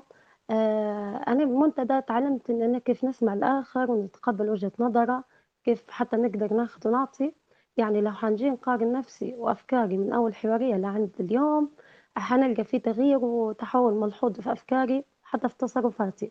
فكل الحلقات بدون استثناء كان فيها فائدة كبيرة بالنسبة لي وأثرت فيها هلبة وجه التش- التخصيص كانت الحلقات اللي أثّرت فيّا الحلقات اللي اتكلّمت فيها على الدين وعلى القرآن وحتى على التعليم، وبالنسبة لتوقيت الحلقات كل سبت والساعة 09:00، 10:00 كان مناسب جدًا، آآ فنتمنى إن المنتدى هذا يستمر، لأن أكتر شي كان مخوفني في البداية وكنت دايمًا نسأل فيك عبد الرحمن إنه لا يوقف ما يوقفش، آآ فالحمد لله هو مستمر بما أنه فيه خير لوجه الله، آآ فنسأل الله إنه يوفقكم، بارك الله فيكم، هذا اللي حبيت.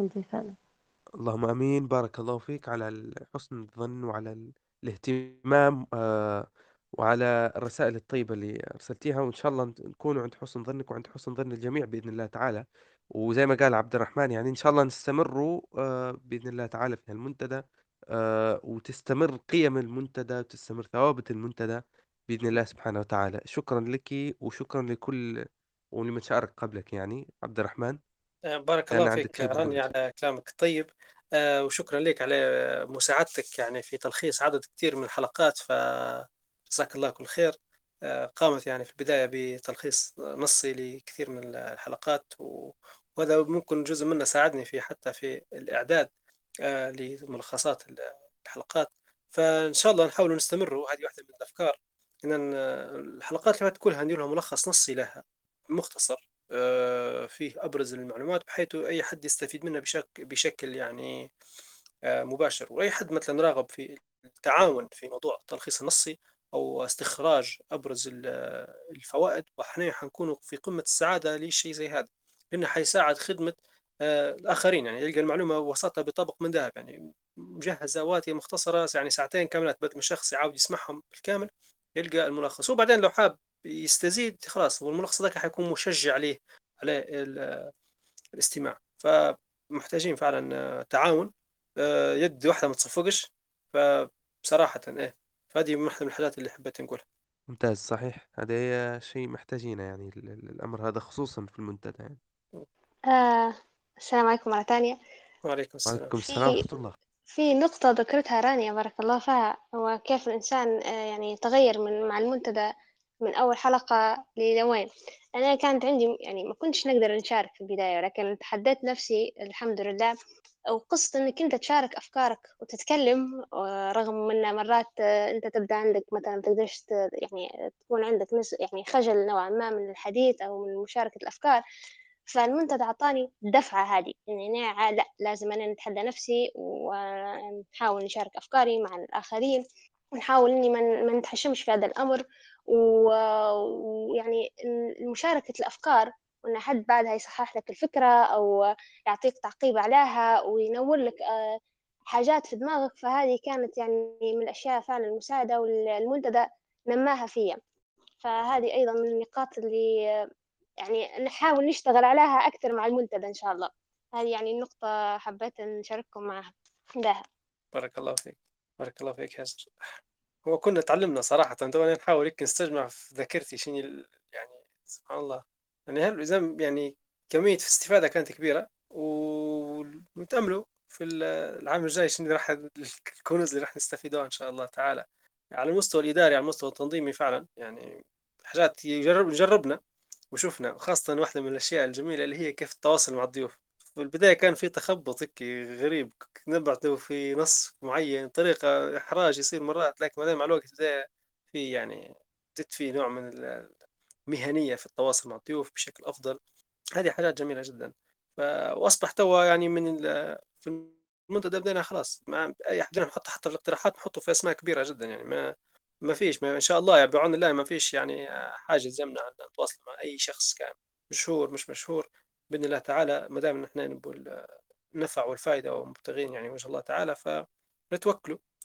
فجميل جميل جدا. أنا صراحة ما عادش الكلمات ما عادش تسعفني ال- الوصف وكذا واحدة من الأشياء اللي مش فالح فيها.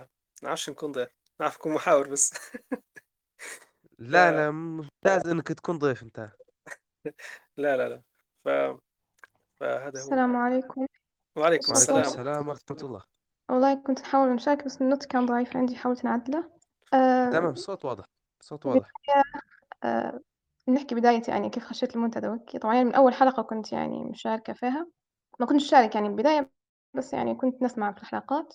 دخلت المنتدى يعني كنت فترة عطلة يعني فكان عندي فراغ في الوقت هلبة هيك فكنت نتابع في المنتدى البداية يعني شغل بسيط وعدد بسيط آه، جدا يعني عدد المشاركات التصميمات النصوص المكتوبة كلها بسيط وتحس يعني شيء يعني حاجة يعني أنا بسيطة متوقعتش إن هي تولي يعني تنمو بالشكل هو.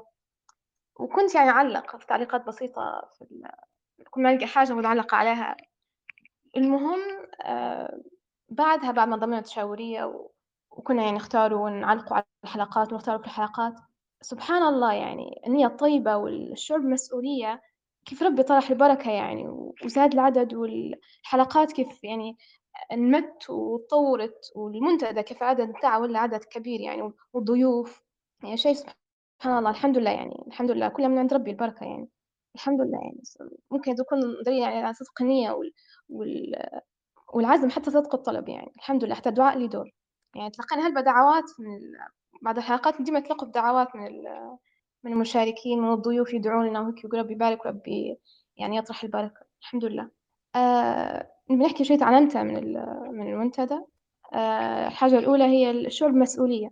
يعني لما كنت نشوف تشاورية في, في الإدارة وهيك أي موضوع شوف أي موضوع أكثر موضوع مهم يعني. موضوع مهم هذا صايرة مشكلة كذا فشو رأيك نطرحه نطرحه حلقة عن الموضوع هو لأنه صايرة مشكلة. يعني أنا أنا مش مسؤولة عن المجتمع أنا جزء منه. وحتى لو قدرت نشارك يعني بيدي فبأقل القليل يعني. حتى لو حلقة مثلا يسمعها شخص واحد فشخص هو يعني حيسمع موضوع هو حي... حيصير توعية بخصوصه فممكن يأثر في غيره.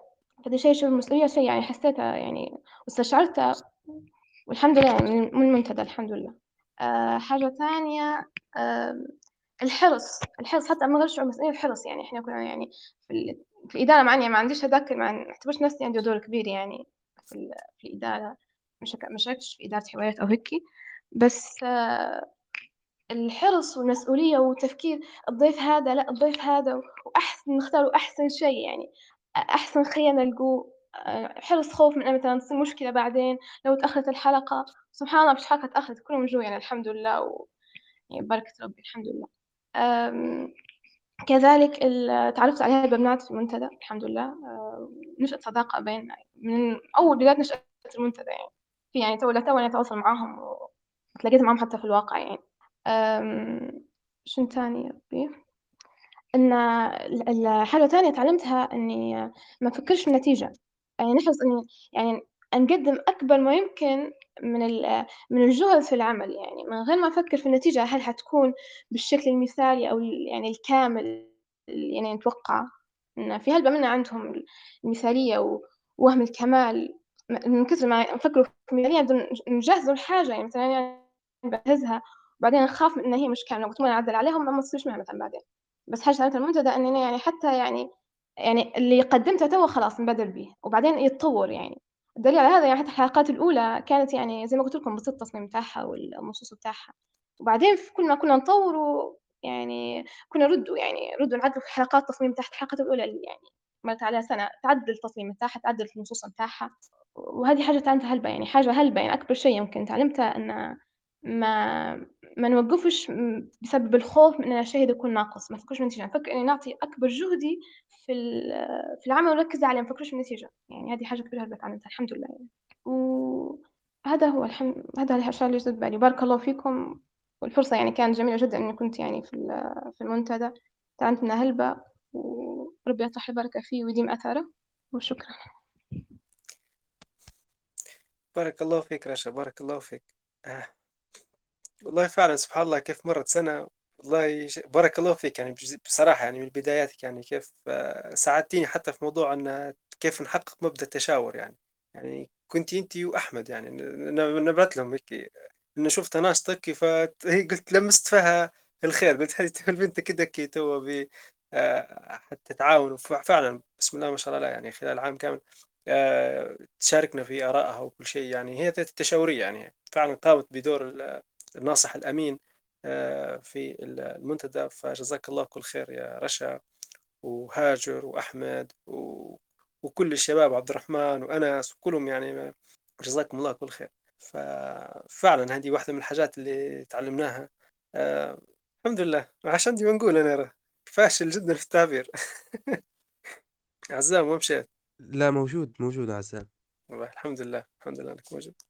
إني باق قاعدين ننتظر والله لو في حد تاني عنده مشاركة أو شيء، والله إحنا تقريبًا تو وصلنا ساعتين صح والّا؟ ما زال 3 دقايق معدودة ونكملوا ساعتين إن شاء الله، 5 دقائق تانيات تقريبًا نكملوا ساعتين. باهي إن شاء الله بارك الله. مشاركين فيسر يعني. يسر نجم الدين تقريبًا تبي حبيت بس نضيف حاجة ال- أكتر حاجة عجبتني في المنتدى هذا كي أكتر حاجة مميزة وأكتر باينة اللي هي الجدية في ال- في السرد وجدية الأفكار وجدية التحاور وكل شيء قبل. هذه ممكن أكتر حاجة أنتم بكري عبد الرحمن المنتديات الفكرية اللي تكون على النطاق البسيط كيف؟ سبق لي تجربة مع الموضوع هذا مع أقران لي كان. آه، ينتهي الموضوع بميمز ينتهي الموضوع يعني يعني بنقولوا إحنا ما ياخدش مجرى جدية وما ياخدش مجرى التطبيق بشكل حرب حدثي ما يطبقش الموضوع زي فشيء هذا جد المنتدى إن إن الجدية حاضرة وتطبيق الفكرة حاضر كل المساعي المنطقية والعلمية حاضرة. يعني ما فيش ما فيش مش... وبس بارك الله فيكم وجزاكم الله بارك الله فيك جزاك الله كل خير يسر. شاء الله نكونوا عند حسن الظن وإن شاء الله ربي يعيننا على الاستمرار بالنهج. يبدو أن المشاركات يبدو أنها حتى هي كذلك وصلت إلى حدها لأن حاليا قعدنا ننتظروا لكن يبدو أن كل من أراد المشاركة شارك. معرفش عبد الرحمن شنو في رأيك؟ هل نختموا أو آآ نعطوا فرصة قليلة؟ نختموا عشان نريحوهم شوية كذا تعبوا معانا. ف خلاص الكلمة ليك الآن. تمام بارك الله فيك بارك الله فيك الحقيقة آه، في الختام أنا نفسي يعني لا إلا أن أشكر الجميع يعني بارك الله في الجميع على حسن ظنهم و نسأل الله سبحانه وتعالى أن نكون دائما عند حسن ظن الجميع وأن نك- نكون يعني ركيزة في في عمل الخير وبذل ال- ال- المعروف لهالمجتمع بإذن الله سبحانه وتعالى. آه، ختاما سبحانك اللهم ربنا وبحمدك نشهد أن لا إله إلا أنت نستغفرك ونتوب إليك والعصر إن الإنسان لفي خسر إلا الذين آمنوا وعملوا الصالحات. وتواصوا بالحق وتواصوا بالصبر. آه، ختاما نلتقيكم بإذن الله تعالى متابعينا في حواريات قادمة بإذن الله وفي مواضيع إن شاء الله تكون هامة وث- ومثرية لمجتمعنا بإذن الله تعالى. آه، شكرا لاهتمامكم ومتابعتكم واستماعكم. نلتقيكم على خير. والسلام عليكم ورحمة الله تعالى وبركاته.